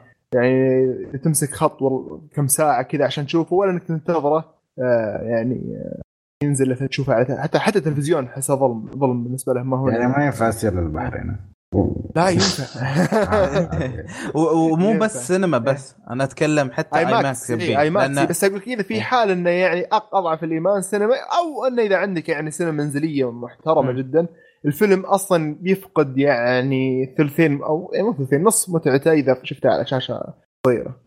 صحيح لأنه هو مشتغلين على الص- الصوتيات بشكل جدا كبير فمن كذا أقول إنه يحتاج ل IMAX عشان بعد يعني الصوت يجيك surround وكل شيء شغل عدل يعني. طيب عبد العزيز آه، إيش عندك من تضيف على الشباب؟ okay آه، فيلم 1917 آه، الحين إيجابيات سلبيات ولا تبغون أخبص لا، كل لا. شيء مع بعض؟ ع- عطنا الإيجابي عطنا الإيجابي. طيب هو صراحة فيلم بطل وخارق لو حصل لي أشوفه ثانية.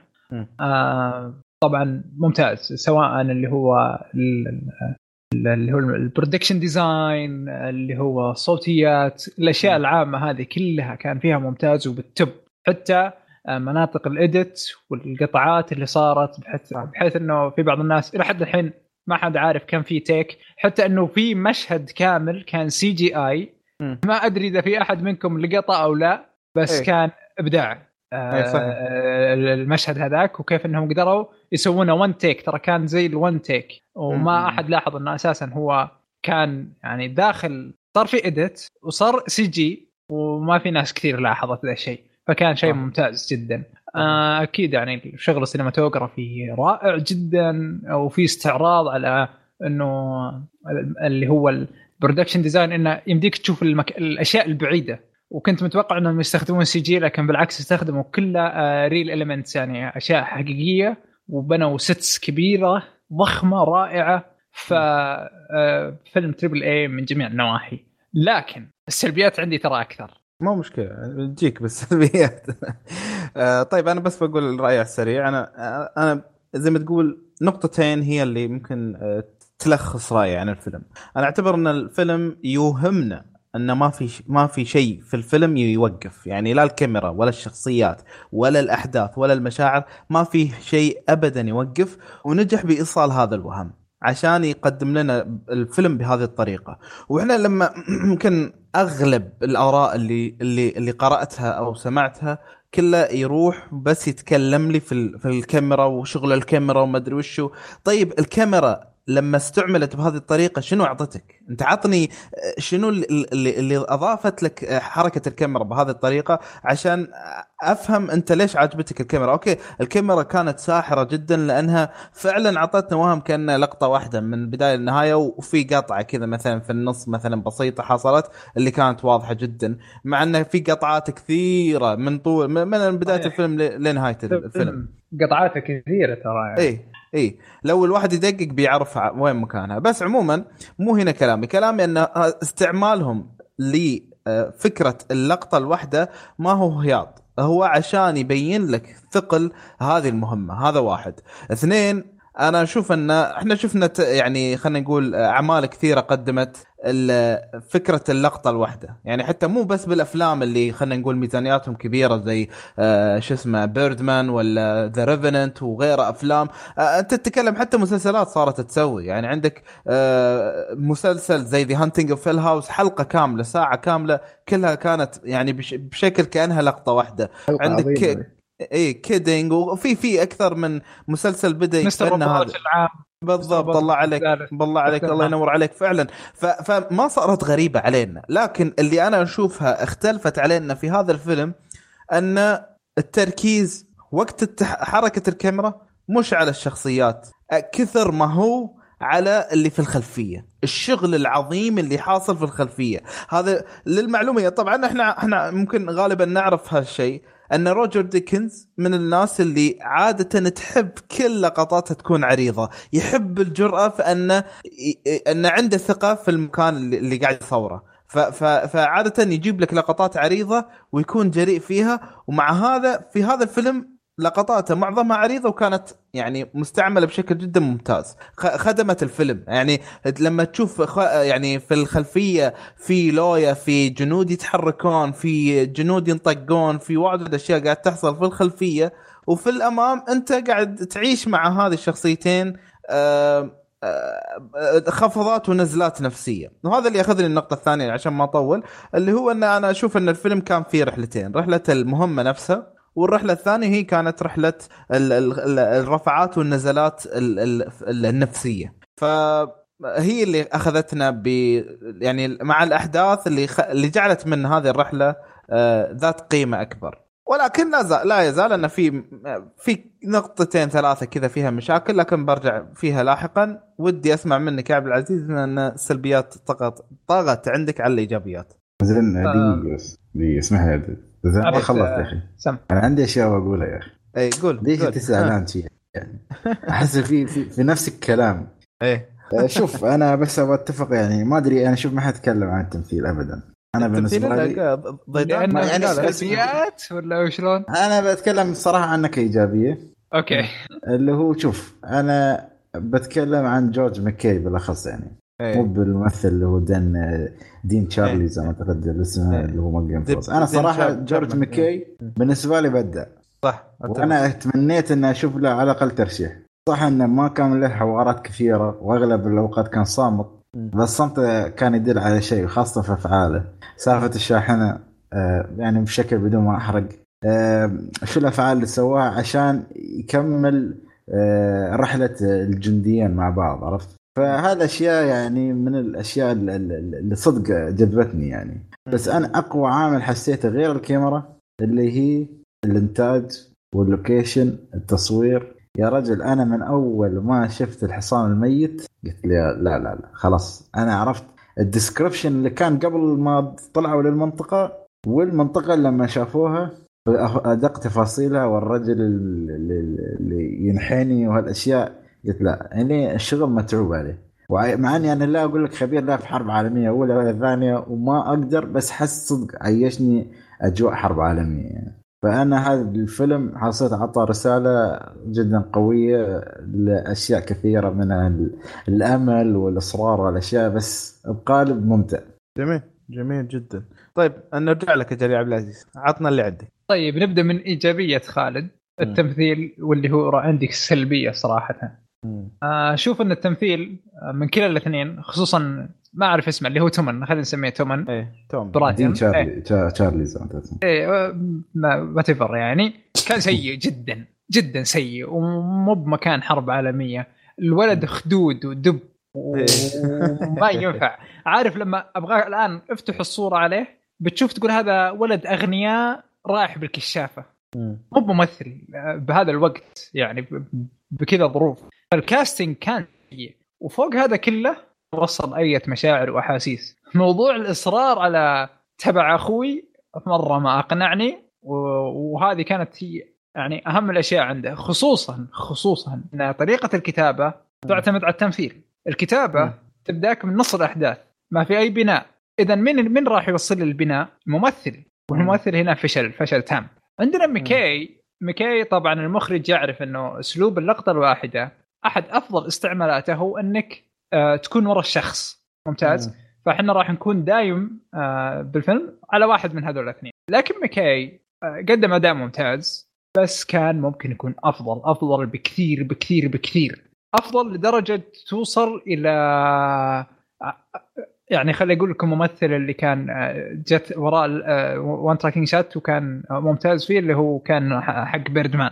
على أن هذاك عنده dialogues و monologues وصعب المقارنة بس هذا عنده برضو نفس المجال بأنه يقدر يطلع لي body language ويقدر يطلع لي آه، شو يسمونه آه، تعابير وجه أفضل من كذا بكثير. آه، لكن. اللي طلعه كان جيد إلى ممتاز. فهنا عندي التمثيل إنه شوي سيء.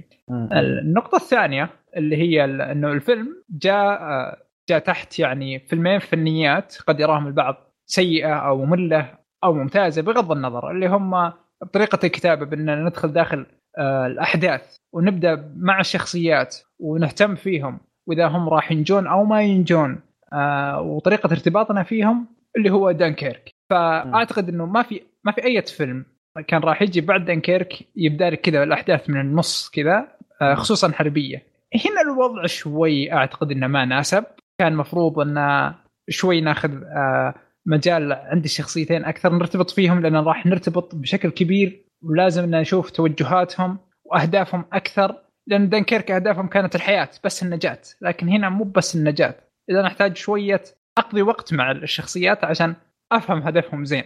إيه. موضوع أن أخوي ما أدري صراحة ما اقتنعت مرة. خصوصا إنها مهمة انتحارية أكثر ما هي مهمة آه، قابلة للنجاة. آه، عندنا رقم ها. إيه بس دقيقة أنا أتفق وأختلف. يعني في النص عارف؟ آه أوكي. اللي آه. إيه اللي هي على سالفة الممثلين اثنينهم. يعني أتفق وأختلف بس كمل اي ما مشكلة.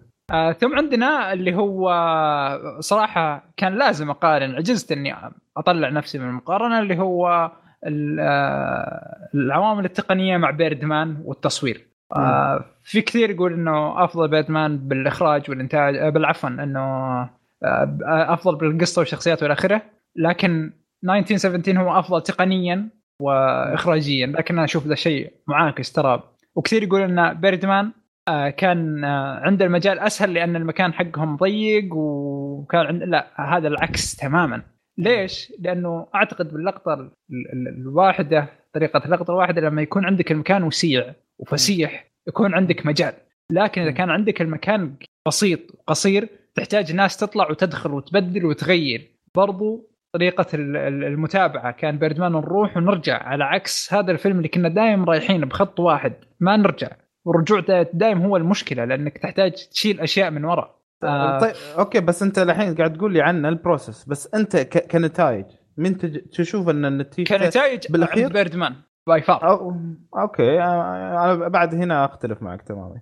آه، يعني- آه، بش- بشكل عشان بس أوضح الفكرة للناس إنه ليش المكان الضيق صعب أو أو هذا. عارفين اللقطه حقت Kidding المشهورة اللي كانت ورا الكواليس إيه من إيه فوق؟ إيه إيش؟ لما تشوف كمية الضجة اللي هناك ولما تشوف كمية الضجة اللي موجودة عند ال عند 1917 1917 يسوون خطوة واحدة بس عشان نقدر ننتقل للي بعدها. على عكس مم. هذا الف- الفيلم إنه أحتاج أكثر من خطوة عشان أنتقل للصورة اللي بعدها ف. إيه الموضوع قد يكون ممكن الإنتاج نفسه ضخم عشان الفيلم نفسه لكن مم. ال process نفسها ترى مش ذي الصعوبة يعني لذلك تقنيا أشوف ان Birdman أفضل حتى بعد النتيجة Birdman أفضل النقطة. آه، إيه، لأن أنت يعني. okay بس أنا حتى مثلا اللي قاعد تقوله يعني بالأخير أنت لما كمشاهد أنت بيهمك ال... ال... النتيجة مش ال process. يعني حتى لو إيه. كان أصعب حتى ولو يعني what بس بالأخير أنا يهمني النتيجة. أنا أنا وجدت إنك يعني آه، كنتائج آه، الاثنين كانوا ممتازين. هذه هذه قاضين منها. يعني مش إن واحد أقل من الثاني. اي اثنين بالعكس ممتازين. تماما. إيه. جدا يعني. إيه. وأنا أتخيل Birdman لو ما كان one shot ترى ما كان بنفس القيمة. أنا. هذه متأكد صحيح. منها إيه بس أنا وجدت ان ان ان أن قيمة التفاصيل اللي في خلفية 1917 كان مرة أهم ومرة ذو قيمة كبيرة اللي يدخلني أحسه في صراع في كثير من الأحداث يعني لو ما كان في اللويا اللي موجودة في الخلفية ما حسيت بقيمة الحرب وما حسيت بثقلها على الكل مو بس على هذا الآدمي بس. آه، ما مجرد يعني اختلاف يعني وجهات نظر بس م- مش إنه يعني صح وخطأ لا بس اختلاف وجهات نظر. آه، ف وأكيد يعني رايي آه، آراء يعني مختلفة. فاي كمل. آه بس آخر نقطتين اللي هو إيه. عندنا آه تو تكلمنا عن ال costume design والفن فيه. هنا مم. عندي آه سوء صراحة. المكياج كان سيء. كان كان يحتاج شوية ترتيب أكثر نحتاج شوية تفاصيل بالوجيه على الأقل شوي أكثر. آه نحتاج إنهم تعبانين هدومهم شوية مقطعة يعني هم جالسين فترة هنا لكن تلاحظ ما شاء الله مكي اللبس جديد يعني تو طالع من المغسلة ما شاء الله مم. عليه يعني. أه، تلاحظ إن بعض الأحيان مع إنه أساسا مو مهتم هو شخصيته من الشخصيات الغير مهتمة مع ذلك مرتب الولد يعني. حتى الثاني مرتب. كلهم كل الناس مرتبة وهذا شيء المفروض ما يكون يصير يعني ذا الشيء المفروض تكون حالتهم حالة حالتهم ضعيفة جدا يعني. خصوصا إنها حرب عالمية أولى الموارد والأشياء تكون أقل وأضعف من الحرب العالمية الثانية. فال costume design والم- والمكياج آه، أشوف إنه سيء وما ساعد الممثلين. مم. آخر شيء آه، التسويق المخادع. صراحة الفيلم آه، يعني آه، هذه خارج الفيلم بس إنه آه، تحسب عليه بشكل أو بآخر. آه، من يوم ما نزل الفيلم نزلت كل شيء يتكلم عن طريقة اللي هو التصوير وكيف حنا تعبنا والأشياء هذه وسام مندز كيف هو الأشياء اللي سواها وال process والقطعات كيف وأشياء. يعني نزلوا كامل package خلف الكواليس. أي مشهد تبغاه تلقاه خلف الكواليس موجود. وذا. الشيء يدل على إنه إيش؟ آه يسوقون. يقر يقرب الناس للفيلم ويشوفون حتى ي- ي- يصير في مشكلة عند تقييم الناس لدرجة إيه. إنه شفت أحد المقيمين اللي ممتازين عندي صراحة تكلم قال إنه آه، كيف لك إنك تنتقد وأنت تشوف هذا الإنتاج خلف الكواليس معناته تأثر تأثر كامل بالصور اللي طلعوها ها- اللي هو التسويق فهذه حركة أعتبرها وسخة من هذا وإنهم يبغون يعني يأخذون تعاطف الجمهور وتعاطف حكام الأوسكار وتعاطف النقاد بشكل عام. ما أشوفها يعني كانت مهنية آه، كاملة. آه، بس يعني هذه أزعجتني مرة صراحة موضوع التسويق هذا. آه، يعني خلف الكواليس موجودة بكل مكان ومتفجرة بكل مكان والناس حنت على الفيلم بينما المفروض ما يصير ذا الشيء. جميل. بس جميل جدا. جميل جدا. طيب آه، طيدان شنو اللي ما عجبك بالفيلم؟ معليش بس آه طيب آه الفيلم آه لعل يعني أكبر سلبية فيه هي اللي زجتني طلعتني من الجو اللي هو الفيلم مرتب زياده يعني آه أتفق.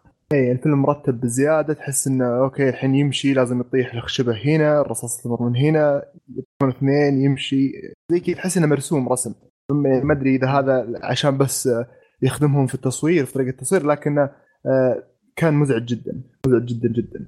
آه، أيضا آه، بنفس السياق اللي هو صدف الفيلم يعني مليان أمور حصلت لأنها حصلت بس في وقت معين في مكان معين. يعني احتمالية حدوثها في ذا الوقت ضعيفة جدا لكن تحصل والحدث اللي بعد اللي كمله حصل أيضا عشان بس يطلع بالشكل الرهيب هذا. و- وأضيف لك بس شغلة بسيطة أن كلها حصلت في. في ظرف اي 24 ساعة. بالضبط. 24 ساعة. شيء زي إيه. كذا يعني. إيه, إيه. فهذا هذا اللي كان يعني مزعج جدا اللي في بداية الفيلم ما تلاحظه بس بعدين لما تبدأ الأحداث اللي يعني من مشهد معين حصل في بعد بعد في الفيلم الأول آه، اللي تقول له سلامات إيش معنى هنا بالذات صار الشيء هذا في الوقت هذا؟ ف... فكان هذا الشيء مزعج. في أشياء ثانية طبعا كلنا مقيد فيها عشان ما أقدر أحرق لكن في حدث معين مثلا يصير آه، بعدين يصير حدث بعده كأنه معزول تماما عن الحدث اللي قبله. يعني مثلا آه، الشخص اللي كان هنا قبل شوي ليش ما انتبه للشيء هذا؟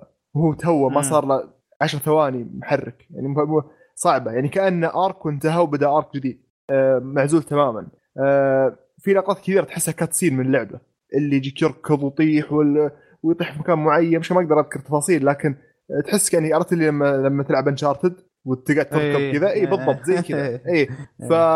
فكثير من اللقطات اللي كذا اللي تقول طيب حرام يعني إنتاج الفيلم طريقة تصويره والقصة نفسها مع إن القصة يعني يقول لك ما هي ما هي قصة حقيقية بقدر انه يعني واحد من آه، الناجين من الحرب آه، قاعد يقولها كسوالف كذا وجمعوها وطلعوا القصة. ما هو شرط إنها يعني موثقة بشكل صحيح. ممكن تقدر إنها مستوحاة أكثر منها والله. مبنية على شيء كتابة يعني آه، أو قصة مو- موثوقة. لكن بشكل عام طالع طالع حلوة القصة. لكن مثل ما قال عبد العزيز يعني شوي في بعض الأمور الاسراريه ب- ما تحسها بني لها. كذا اللي فجأة خلاص أخوك أخوي أوكي بروح عرفت؟ ف فيعني شوي الأمور هذه اللي تخص ال- تخص ال- الاشياء مرتبة بزيادة والصدف وال والأمور هذه هي اللي كانت شوي يعني آه، مزعجة. في أحداث حصلت آه، بالفيلم. مم. أنا قاعد أنتظر لها في نهاية الفيلم يعني نتائج. يعني آه، إيه. حدث معين صار وأنا قلت أوه والله يعني foreshadowing هذا جامد. يعني حصل شيء عند يلمح لي إنه في شيء كبير بيحصل بعدين. فإلى نهاية الفيلم أنتظر شيء هذا يصير. طب ما okay ممكن تقول هذا يعني الفيلم ما له دخل بتوقعك. يعني تقعد تتوقع أشياء من الفيلم من راسك. لا هو صورها لي وزوايا الكاميرا وتفاعل الشخصية معها والحدث اللي س... الحدث اللي اللي صار. طبعا نتكلم عن شيء صار أول ما طلعوا يعني. فأول ما طلعوا من, من المعسكر يعني. ف. الشيء اللي صار هناك هذا يعني مثال آه، خلاني أتوقع يصير شيء بناء على الشيء هذا لأن خاصة انهم خذوا وقت فيها لكن ما صار. شيء. يعني آه، بدون اذكر الحدث يعني. آه، أيضا يعني في نقطة يعني ذكرها عبد العزيز بخصوص بخصوص شخ... ممثل شخصيه اللي هو توم اللي هو شخصية تومن. يعني صحيح تحسه مرتب بزيادة الولد وكذا بس إنه يعني تقدر تقول ممكن تمشيها انها هذه حرب خلاص ياخذون الكل بالتجنيد يعني ما يهم شكل ال- شكل ال- وشكل شكل ال- الجندي. فيعني ممكن هذه عن نفسي أنا عادي ما ما أشوف فيها مشكلة. لكن آه، مشكلتي كبيرة مثل ما قلت برسم الأحداث المرتب بزيادة والصدف الغريبة جدا وبعض الأمور اللي تحسها مفصولة عن بعض. اللي قلت إنه يصير شيء ينتهي الشيء اللي بعده ما له دخل بالشيء اللي قبله. جميل جميل. آه طيب آه أنا ما أختلف عنك كثير يعني ما عندي إضافات كثيرة بالنسبة للسلبيات انه فعلا أحسه فعلا مرة مرتب دقيق. الترتيب حقه دقيق لدرجة انه آه أحيانا تحس انه آه، رغم إنه يكون ال- البطل في عز ال- الخطر بس ما تحسه بخطر بسبب الترتيب اللي قاعد يحصل هذا. مع انه يعني اللقطات تكون حماسية ورهيبة وكذا بس آه، من ناحية منطقية يفتقد شوي للمنطقية في بعض الأحيان البسيطة جدا بالنسبة لي. ف يعني يمكن هذه يمكن ال- ال- المشكلة ال- الوحيدة اللي واجهتها وأنا أتابع ال- الفيلم اللي خلتني أبغى أنتقل لل- للمشهد اللي بعده وخلاص يعني خلص خلصني يعني. آه، بس آه، يعني هذا ال- بالنسبة بالنسبة لي آه، باقي عندنا خالد شنو اللي ما عجبك بالفيلم؟ آه، شوف أنا بتفق وياكم يعني اللي هو ما أقول ترتيبه أكثر أكثر ما هو كيف أقول صدف يعني يعني مثل ما تقول يعني صدف خلتني أقول wow يعني عشان تي استوى تي فعشان هذا السبب حصل حصل هذا الشيء اللي استوى على آخر الفيلم يعني بشكل بدون ما أحرق يعني زين آه، الشيء الثاني آه، اللي هو آه، هذا اللي هو ممثل دين تشارلز اللي في Game Thrones اللي تكرهونه أنتم ما عجب ما عجبني التمثيل ابدا. بس أبغى أقول شيء إن على عبد العزيز يعني نقطة قالها. ليش هو اختاره بالذات؟ أنا أحس إنه اختاره هو بالذات عشان يوصل مش شعور معين. أول شيء إنه صح إنه هو شكليا ترى ما يوحي إنه هو جندي ولا شيء. خاصة مثل ما قال ضيدان بعد إنهم جايبين حرب عالمية فيبون كل حد ما يهتمون ترى. ف وهو في البداية قال لك ترى هو عنده تاسك معين يعرف شغلة معينة عشان شي اختار له هالشيء اللي هي سالفة الخرائط عشان يوصل النقطة اللي هم يبونها فممكن هذا يعطيك سبب انه ليش اختاروا أنا متفهم إن أنت يمكن عادي ما تأخذ عليه يعني بس هاي واحدة من الأسباب اللي تقدر تخليك إنه ممكن تقتنع. آه الشيء الثاني النظافه وهذا ترى شوف صح إنهم في حرب بس هم عسكريين في نفس الوقت يعني. عرفت علي؟ يعني هو ما يالك بعد حرب مباشرة يعني كان في المعسكر يعني. فأنت لما تكون معسكر عندك واجبات. أنا ما أقول لك أنك أنت لازم تنفذها وهذا بس أنا أقول أنه أصلا جزء من ال- ال- الجيش وأنه في ترتيب ونظام وحتى اهتمام بالنفس يعني. لأنك أنت في النهاية ترى بتصير مرات تقابل يعني الناس كرتب أعلى عنك. يعني هذا أنا أحاول يعني ما أقول لك أنا أحاول أن أرد على نقاط عشان ما أقول إن هي كل الأشياء السلبية موجودة فيه. في نقطة بعد ما أدري إذا عبد العزيز تذكرني فيها والله نسيتها حتى عن عن شو كانت آه، إنه في ال costume design والمكياج وكذا آه، لا لا كان آه، إيش يسمونها؟ والله نسيت ما شاء الله من كذا ما ذكر نقاط نسيت شو النقاط اللي كان يقولها. آه، بس يعني بشكل عام آه، ما أشوف الفيلم آه، يعني يعني okay صح إن الشباب أو عبد العزيز ما شاء الله عطى وايد سلبيات بس أحس إنه ما توصل لهالمرحله يعني عرفت؟ يعني أنا أشوف سالفه المشاعر وهذا يعني صراحة جورج مكي يعني بالنسبة لي أنت تقول Birdman تقارنه Birdman. أنا أشوف يعني هذا الإنسان يعني وصل لمرحلة ما كان عنده نصوص فبس أنت تحاول تشوف الاهوال اللي تستوي اللي ما يوصل لتحقيق هد- هدفهم يعني. فبشكل عام يعني هاي السلبيات اللي عندي. شيء أشياء بسيطة يعني ممكن تتغاضاها يعني. okay. جميل جميل. آه طبعا النقاشات آه الأفلام اليوم كانت دسمة وجميلة جدا فخلونا نروح للاسئله المعتادة عن الفيلم. آه الفيلم فيه تعري؟ لا ما كان فيه. لا لا ما في ما في إيه، ما كان. فيه. آه طيب الفيلم آه ينفع المشاهدة الجماعية؟ اي ينفع. ينفع. اي إيه، اي أكيد. نعم. طيب مين ممكن يعجب الفيلم؟ مم، والله هاي من الافلام الحربيه أنا بالنسبة لي يعني من بعد Saving Private Ryan و Hacksaw Ridge. يعني يعني تقدر تقول يقدر يدخل ك... ك... في نفس التصنيف ولا أقل منهم بشوية يعني. آه أنا ما أدري ليش ما أدري ليش. أدري ان في كثير راح يختلفون معي بهالنقطة بس أنا بالنسبة لي عجبني أكثر من Saving Private Ryan يعني دخلت معاه جو أكثر استمتعت فيه أكثر جذبني في كثير عناصر أكثر من Saving Private Ryan اللي هذاك حسيته ما أدري ليش ثقيل على نفسي أكثر يعني. وفعلا هذا أنا ما أدري ليش بس أشوفه هذا فيلم درامي قبل ما يكون حربي. حربي كأجواء بس درامي. لأن في لأن في اللي هو آه، ال- ال- الشخصية هذه وكيف مرينا معاها بفترات مختلفة وكيف تعاملت مع ال- الأحداث اللي قاعد تحصل لها آه، من طابع إنساني آه، يعني ما تجردت هالشخصية من من من كونها إنسان لأنها بس في حرب ما أنا أشوفها بهالطريقة طيب فهل تنصحون بالفيلم؟ أكيد أنصح أنصح أنصح مرتين يعني المرة الأولى اللي بشوفها فيه اللي شفتها فيه وبالمرة أنا الثانية أنصح راح عن أشوفها فيه. أنا أنصح عن نفسي وعن عبد الله. إيه. ما أبو باسل يلا أنا أنصح فيه أنصح فيه في, في السينما. إذا بدك تشوفه في السينما. في البيت ما أدري.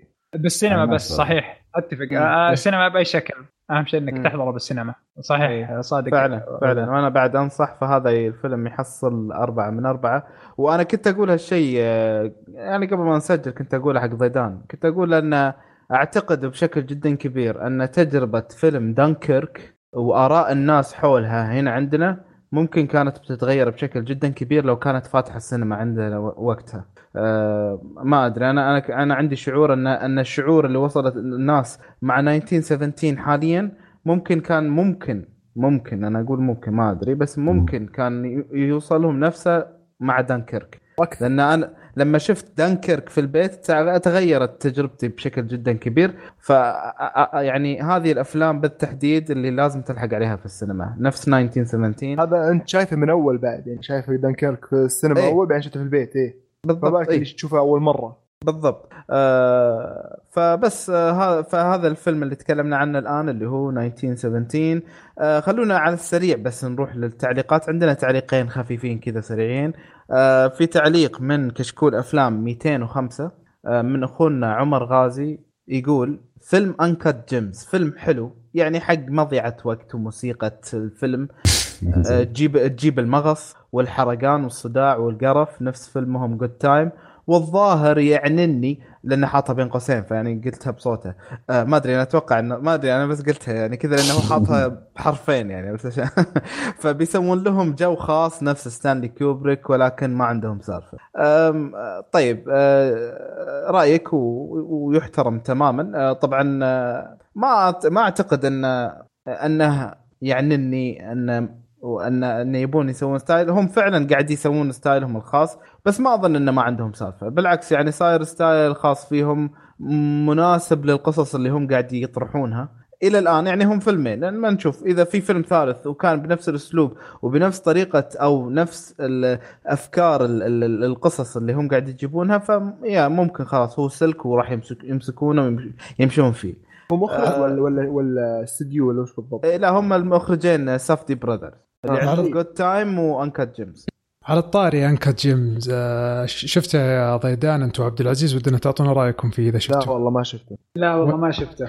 أحسن يا رجال اشوى أحسن. اشوى أنا لا اشوى أنا, أنه ما شافوا أنا اللي استغرب أنا اللي استغربه صراحة آراء بعض الناس في تويتر يمجدون في الفيلم هذا إيه. مع إني اشوفه سيء سيء سيء. يعني في بعض الأفلام ت- تختلف تتفق معه من جوانب لكن هذا أحس إلى درجة إنهم يتكلمون ليش ما ترشح للأوسكار؟ يا عمي ما يصلح للمشاهدة إيه. ما هو للاوسكار ما تتذكر أنا آخر حلقة إيش قلت؟ قلت آه، بدري عليه. بدري عليه فيلم وبدري عليه آدم ساندلر. لا وهو. يهدد مع وجهه. متاخر بعد. لا ويهدد مع وجهه يقول إذا ما فزت بالأوسكار برجع أسوي أفلام سيئة. ارجع سوي أفلام سيئة تكفى. ما عندنا مشكلة. لا يا رجال. والله يا أفلام الكوميدية الترشيحات. أفلام الكوميدية المزبلة الاولى إنها عندي أحسن من عنكت جيم إيش كنت لا. تقول عبد الله؟ لا لا هو لما نزلت ترشيحات الأوسكار قبل كم يوم كذا على وقتها كتب تغريدة وكذا ويعبر فيها عن استياء إنه ما ترشح. يعني عرفت إيه. اللي, اللي يسوي فيه هيمون. يا وير يعني يعني معليش يعني يعني من جاك الجل والخرابيط والكلام الفارغ هذا أنا ما شفت الفيلم صراحة يعني مو مو يعني إنه ما أبغى أشوفه بس ما حصلت طريقة كويسة إني أتفرج فيها على الفيلم. لكن يعني كمان آدم ساندر يعني أصلا إنه إنه حتى لو أدى كويس صراحة يعني هذا هذا شيء يعني كذا داخليا مهما أدى كويس لابد تتذكر أدواره الخايسة كذا وكذا. تقزز شوي. والله يعني- أداء سيء والفيلم سيء يعني لا تفكر إن فيه جودة. مم. لا هو شوف ال- أبشرك أن الفيلم راح ينزل على نتفلكس في 31 جانيوري فيعني استانس يا عبد الله. تحصل جوده. ممتازة. إيه إيه. لا لا، اسمه هو أنا 4K. ما أدري قصة اس- الماس ما أدري شيء زي كذا اسمها يعني خذ لك. اي يعني حيعطونك اسم من. الكيس نفس الكيس حق الاسم لا الألماس شو ما في في الجوز الألماس في في شو؟ الم- الألماس مسروقه ما أدري يجيب 1000 شيء زي مليون كذا إيه. ما أدري في واحد من كشكول ما أدري من بالضبط بس في, في تويتر عندي تايم لاين يمدحها قبل كم يوم بس ما متأكد منه يبغى نرجع نشوف. الله يستر عليك. ناخذ من الأقوال. طيب آه، التعليق الثاني من أخونا آه، طبعا هو كي 167909 بس إحنا نعرف انه خالد وليد يقول السلام. عليكم بس جميعا. أنت كيف محمد؟ دقيقة. يا أخي كيف تقول يا أخي تعليقين خفيفين لطيفين يعني؟ ما شاء الله. خد مميز بتعليقاته الطويلة يعني. هي طويل بس خفيف على قلوبنا يا أخي إيش فيك أنت؟ آه آه قول إيه، الله. طيب يقول السلام عليكم جميعا. أنا شفت فيلمين 1917 وذا جرج. فيلم 1917 مرة ممتاز. أكثر شيء أبهرني هو الإخراج والتصوير السينمائي متعوب عليه. فيلم سوني ذا جرج. وش أقول بالضبط؟ أول ما بدأ الفيلم لين ما وصل للنص ما قدرت أكمله. كمية السوء في الحوارات وطريقة الطرح المملة والرعب الرخيص. أتفق معك. أنا شفته مؤخرا وللأسف يعني يعني ما له دخل باللي قبل. فخلوك خلوكم على اللي قبل أحسن. على طار New Mutants أنا شفت ال trailer وصراحة تفاجأت إنه طلع جيد. صح إنهم جابوا العيد في Dark Phoenix لكن من اللي شفته في ال trailer من ناحية الرعب وفكرة الشخصيات نفسها إن شاء الله يكون جيد. أيضا شفت trailer Morbius شفت جيرد ليتو ممكن يتقن شخصية بشكل جيد لكن مشكلة ال trailer نفس مشكلة trailer ات Bloodshot و Batman versus Superman إن القصة والأحداث أو المفاجآت أو ال twist اللي المفروض تشوفه في السينما عشان تتفاجأ حرقوه في ال trailer. القصة تراه في شبه من فيلم دكتور سترينج وأفلام هولك وغيره أن شخص يبي يبحث علاج لنفسه سواء كان مرض أو إصابة أو حتى القصة مو بقوية لو أنه منزلين في ذيك الفترة كان ممكن تكون القصة مثيرة لكن بعد هذه الأفلام صارت نوعا ما مستهلكة. وأنا متخوف من فيلم الفيلم اللي هو مات سميث. أخاف يكون مخذل إلا إذا كان عنده هدف مقنع.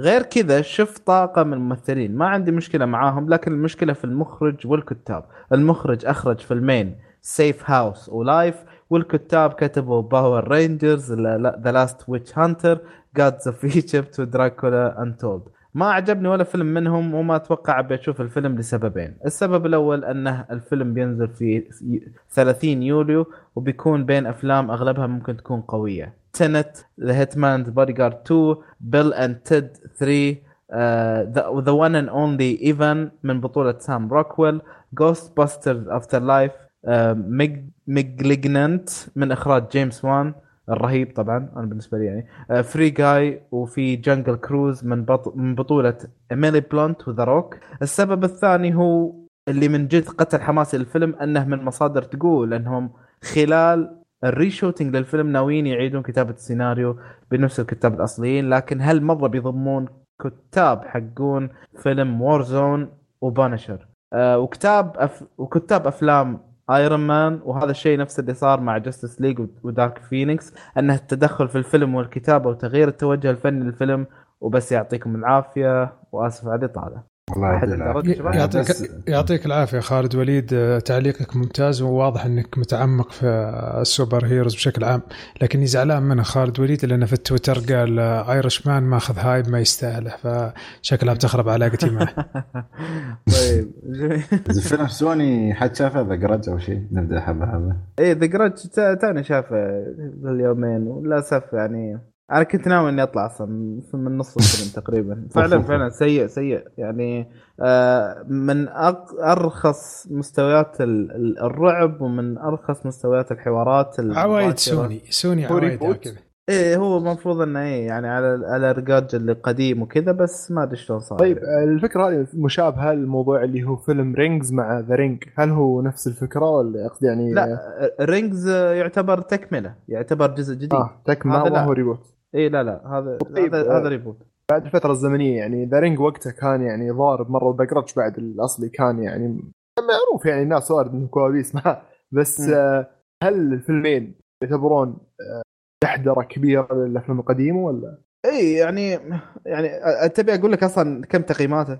أربعة في IMDb Rotten Tomatoes 17 يعني ما. لك أن تتخيل يعني اي لا لا كان سيء يعني أنا دخلت على أساس أنا كنت مرة فاضي وأبغى بس أروح السينما أكل فشار وادى الغرض يعني أنواع. jump scares ها؟ دقيقة دقيقة إيه. كنت فاضي تبي تأكل فشار ودخلت سينما عشان اي. والله يعني لو ماخذ فشار وراجع ممكن أحسن ترى ف طيب في أحد عنده إضافة على مثلا trailer New Mutants موربيوس إذا حد شافهم؟ آه والله ما أدري بس أنا عن نفسي شفت اثنيناتهم واستغربت إنه يبون يعني. يعني خاصة موربيوس يعني أنا okay ما توقعت منه شيء بس شفت ها, ها في شيء. و New Mutants طلع كلامهم صدق يعني طلع نزل trailer وشي ما سحبوا عليه إيه. عرفت؟ صحيح صحيح. نتمنى نشوف شيء خير منهم يعني. أنا okay. أنا شفت ال trailer حق موربيوس صراحة ال trailer أتوقع كان هو الفيلم كامل. لأنه بس يعني لا شوف أنا أنا أنا ما عندي خلفية عن الشخصية بس أحس إنه عرفت الشخصية بشكل كامل بس من ال trailer وما أعتقد هذا إنه إنه شيء إيجابي إلا لو كان الفيلم مثلا مخبي لنا صراعات حتصير مثلا بين الشخصية هذه وأحد الشخصيات الثانية سبايدر مان مثلا أو شيء زي كذا كمفاجأة. لكن حسيت إنه في ال trailer صراحة أحرقوا الفيلم كامل يعني ما ما أدري إذا إذا في أحد شاف ال trailer فينوم قبل ما ينزل هل سووا نفس الطريقة سوني ولا لا بس آه، صراحة الفيلم كامل يعني موجود. وأنا متحمس له يعني مع- مع ال- الشيء ال- ال- الخايس اللي سووه في ال trailer على أساس إنه أبغى أشوف جود آه، جيرد ليتو بعد. آه، يعني بعد مسخرة جوكر اللي صارت وترى من بعد الفيلم هذاك ممكن ما طلع إلا في في مشروع واحد أو اثنين وأغلبها كانت برضو فاشل ف يعني متحمس أشوف له رجعه شو وضع بيكمل كجوكر يعني ولا شلون؟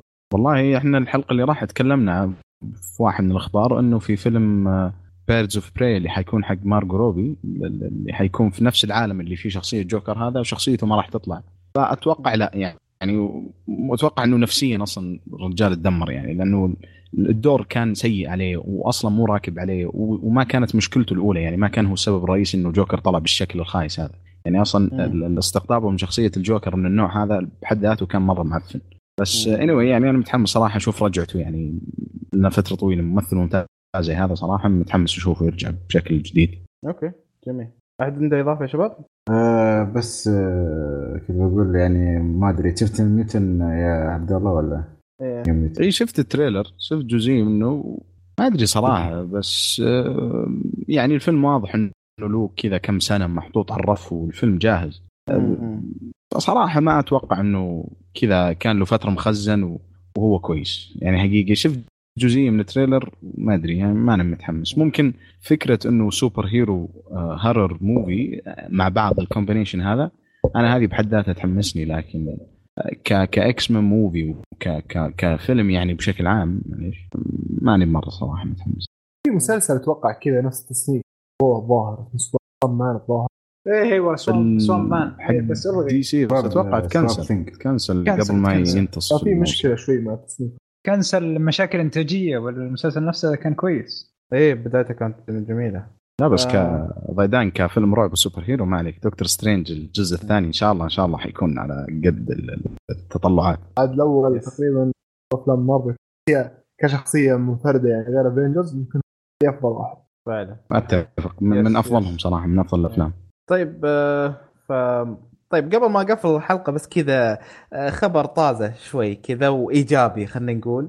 آه لكن طلعت تقييم فيلم Bad Boys for Life يا جماعة وأنا بصراحة منصدم منصدم جدا أن من 42 ناقد محصل 83% في Rotten Tomatoes أنا ما أدري شو. إيه. ياهو كويس. وال... واللي طالعين منه مرة مستانسين. أنا قاعد أقرأ ردود كثيرة مرة مستانسين فأنا ما ما أدري صراحة. يعني ممكن يخلينا نفكر إن نروح لأن بالجانب الآخر فيلم آه شو اسمه حبيبنا اللي هو Iron Man شو اسمه؟ نسيت اسمه. روبرت آه داوني جونيور. روبرت داوني آه. جونيور فيلم Dolittle محصل 17% في Rotten Tomatoes فيعني في يعني شغل في السينما. trailer Bad Boys Forever يعني كان ابدا ولا ولا طشه يعني يبين 10% يا رجل. إيه، فما أدري أنتم بتروحون له يعني بعد الكلام هذا؟ والله؟ حمسني الحين صراحة. إيه، زين. والله شوف أنا بس إن شاء الله ناوي أتفرج. ما أدري إذا بنتكلم عنه okay نشوف شوف. okay. شيء إيجابي الصراحه جميل جميل. إيش كنت تقول عبد الله؟ لا أقول يعني لو لو رحت السينما إن شاء الله على أساس إنه أتفرج 1917 وحصلت Bad Boys for Life يعني ليش لا؟ أه، حتى في يعني الناس يعني يعني العامة مو بشرط النقاد. يعني تشوف كلامه في تويتر وكذا يعني تحس إنه يعطيك طابع إيجابي. وأنا أشوف ويل سميث كذا لو سوى ويل سميث بس إنه جاء ويل سميث على أساس إنه ويل سميث نفس اللي سواه في Aladdin ممكن يعطي كذا جو حلو يعني إنه إنه حتى لو حتى لو كان مارتن لورنس أصلا هو طابعه في التسعينات لما كان في ال prime حقه كان ثقيل دم وكريه فما بالك الحين لما صار شايب. ف... لكن ويل سميث الحالة أتوقع ممكن يقدر يشيل فيلم ترى. لا نعم، هذا من نعم. الافلام ترى اذا إذا تنفذ صح ترى يطلع يطلع ما يطلع شيء ممتاز زي فيلم اللي هو Nice Guys أتوقع. أي ذا آه، Nice Guys. كان كان تقريبا نفس الفك يعني أو فكرة قريبة. وكان فيلم رائع صراحة يعني آه، ما نقول مثلا في أفلام مثلا التسعينات كانت حلوة بس الحين خلاص راح وقتها. لكن آه، لا هذا النوع ما زال هذا اللي هو ال two cops ولا ما أدري إيش يسمونها. هذا buddy لكن- cop مو. إيه ف فكان كان ممتاز. فممكن في في في في له مجال. يعني أذكر مرة كنت رايح أشوف فيلم Knives Out لما كا- عرضوه trailer كذا. والله شفت من اللمحات يبشر بالخير. okay. آه، بس آه، محمد على بالي سؤال يعني بما أن خالد تكلم عن موربيوس والطاقم اللي اشتغل فيه ومدى يعني يعني تعرف إن الأشياء اللي, عم اللي سووها والتاريخ اللي كانوا يسووه ما يشفع لهم إنه يطلعون فيلم جيد. وسالفتك تو تقول على سالفة Bad Boys Forever اللي كان متوقع لنا إنه أصلا يكون تقييمه سيء إيه. فما أدري هل الأسماء أو التاريخ هو شيء ممكن نعتمد عليه إن نتحمس ولا لا يعني صراحة في أشياء مثل يعني تود فيلبس يعني ما كنت أتوقع منه فيلم مثل جوكر يعني على الأفلام اللي yes. سواها وحتى هو لما تكلم عن موربيس يعرف مثلا مثل Gods of Egypt وهذا Power Rangers فهل تعتقد إن هل تؤمن بالفرص الثانية؟ إي أؤمن وبشدة. وخاصة إنه يعني يعني إذا كان تحت مظلة مارفل يعني ممكن إن هذا الشيء يحمسني. أدري ما مارفل طلع عندهم شوية عرات هنا وهناك يعني بفيلمين ثلاثة. بس آه آه، بالأخير أقدر أثق بشكل أو آخر يعني انه انه ممكن يطلع منه شيء. ما أدري أنا أنا عندي إحساس بهالشيء صراحة. خاصه إن أنا بالنسبة لي صراحة ال trailer يعني اللي كان لا بأس فيه صراحة. trailer شو اللي هو؟ اللي يا. آه موربيوس شفت أنت بعد؟ ها؟ اي شفت ال trailer. آه، في عم أعتقد hint على ربط خفيف. ما أدري إذا فهمتوا قصدي ولا لا. هي ربط في عالم مارفل يعني. أي اللقطة اللي كانت كذا شارع. طش... إيه في شخصية طلعت. إيه. إيه. امم اي ه- تحس إنها شيء هذه. يعني ممكن يعني لو كان كذا شيء كذا بس أعطونا hint بسيط عليه في ال trailer وحيكون يعني من المحاور الأساسية في الفيلم أنا مرة متحمس. بس صراحة ما أتوقع لأنه يعني أصلا قبل فترة كنا نسمع أخبار عن مشاكل مارفل وسوني ما تصالحوا إلا قبل فترة بسيطة. فالشيء. اللي ممكن هذا اللي جالسين نتكلم عنه بس على أساس إنه ما نحرق لأنه في ناس حساسة شوي من التريلرات إيه. ما أتوقع إنه كان عندهم الوقت اللي يسوونه. ما أدري. بس لو لو صار حيكون شيء جدا ممتاز. ما أتوقع. طيب آه ما نبغى نطول عليكم يا شباب أكثر. يعطيكم ألف عافية يا شباب جميعا. وأيضا آه، أخص بالكلام أيضا عبد العزيز تألق آه، دائما من أول ما يجينا وهو يعني يعطينا تفاصيل جميلة جدا. فدائما آه، منتظرينك في البودكاست هنا. الله يحييك. وبيتك حبيبي، تسلم. إيه. تسلم والله وضيدان طبعا آه، إن شاء الله إنها المرة الأولى وإن شاء الله أكيد إنها ما هي المرة الأخيرة آه، فيعطيك. ألف عافية وطبعا تقدرون آه، تتابعون قناة الجميلة من ضيدان اللي هي حكاية شاشة طبعا هو عادة يتكلم عن الألعاب وكذا وبصراحة قناة مميزة ما أقولها لأني مثلا صاحبة ولا شيء لكن آه، نقدر نستشف هذا الشيء والناس تشهد عليها أنا ما أنا ما يدخل صح. انصحكم بعد ف- تتابعون داني بوكس بعد. إيه هذا أيوة. لا لا لا. آه، كل واحد. آه، يعطي قناته شكله بننزل قناتنا يعطيكم العافية شباب. طبعا آه، هذه كانت حلقتنا. لليوم اللي تكلمنا فيها عن آه، فيلم The Lighthouse و1917 أتمنى أنكم استمتعتوا بالنقاشات الدسمة اللي حصلت هنا في الحلقة. آه، لا تنسون تعطونا تعليقاتكم على الموقع وفيسبوك وتويتر وأعطونا تقييماتكم على صفحتنا في iTunes أيضا لا تنسون صفحتنا في Patreon تقدرون تدعمونا هناك. يعطيكم العافية ونشوفكم إن شاء الله على ألف الف خير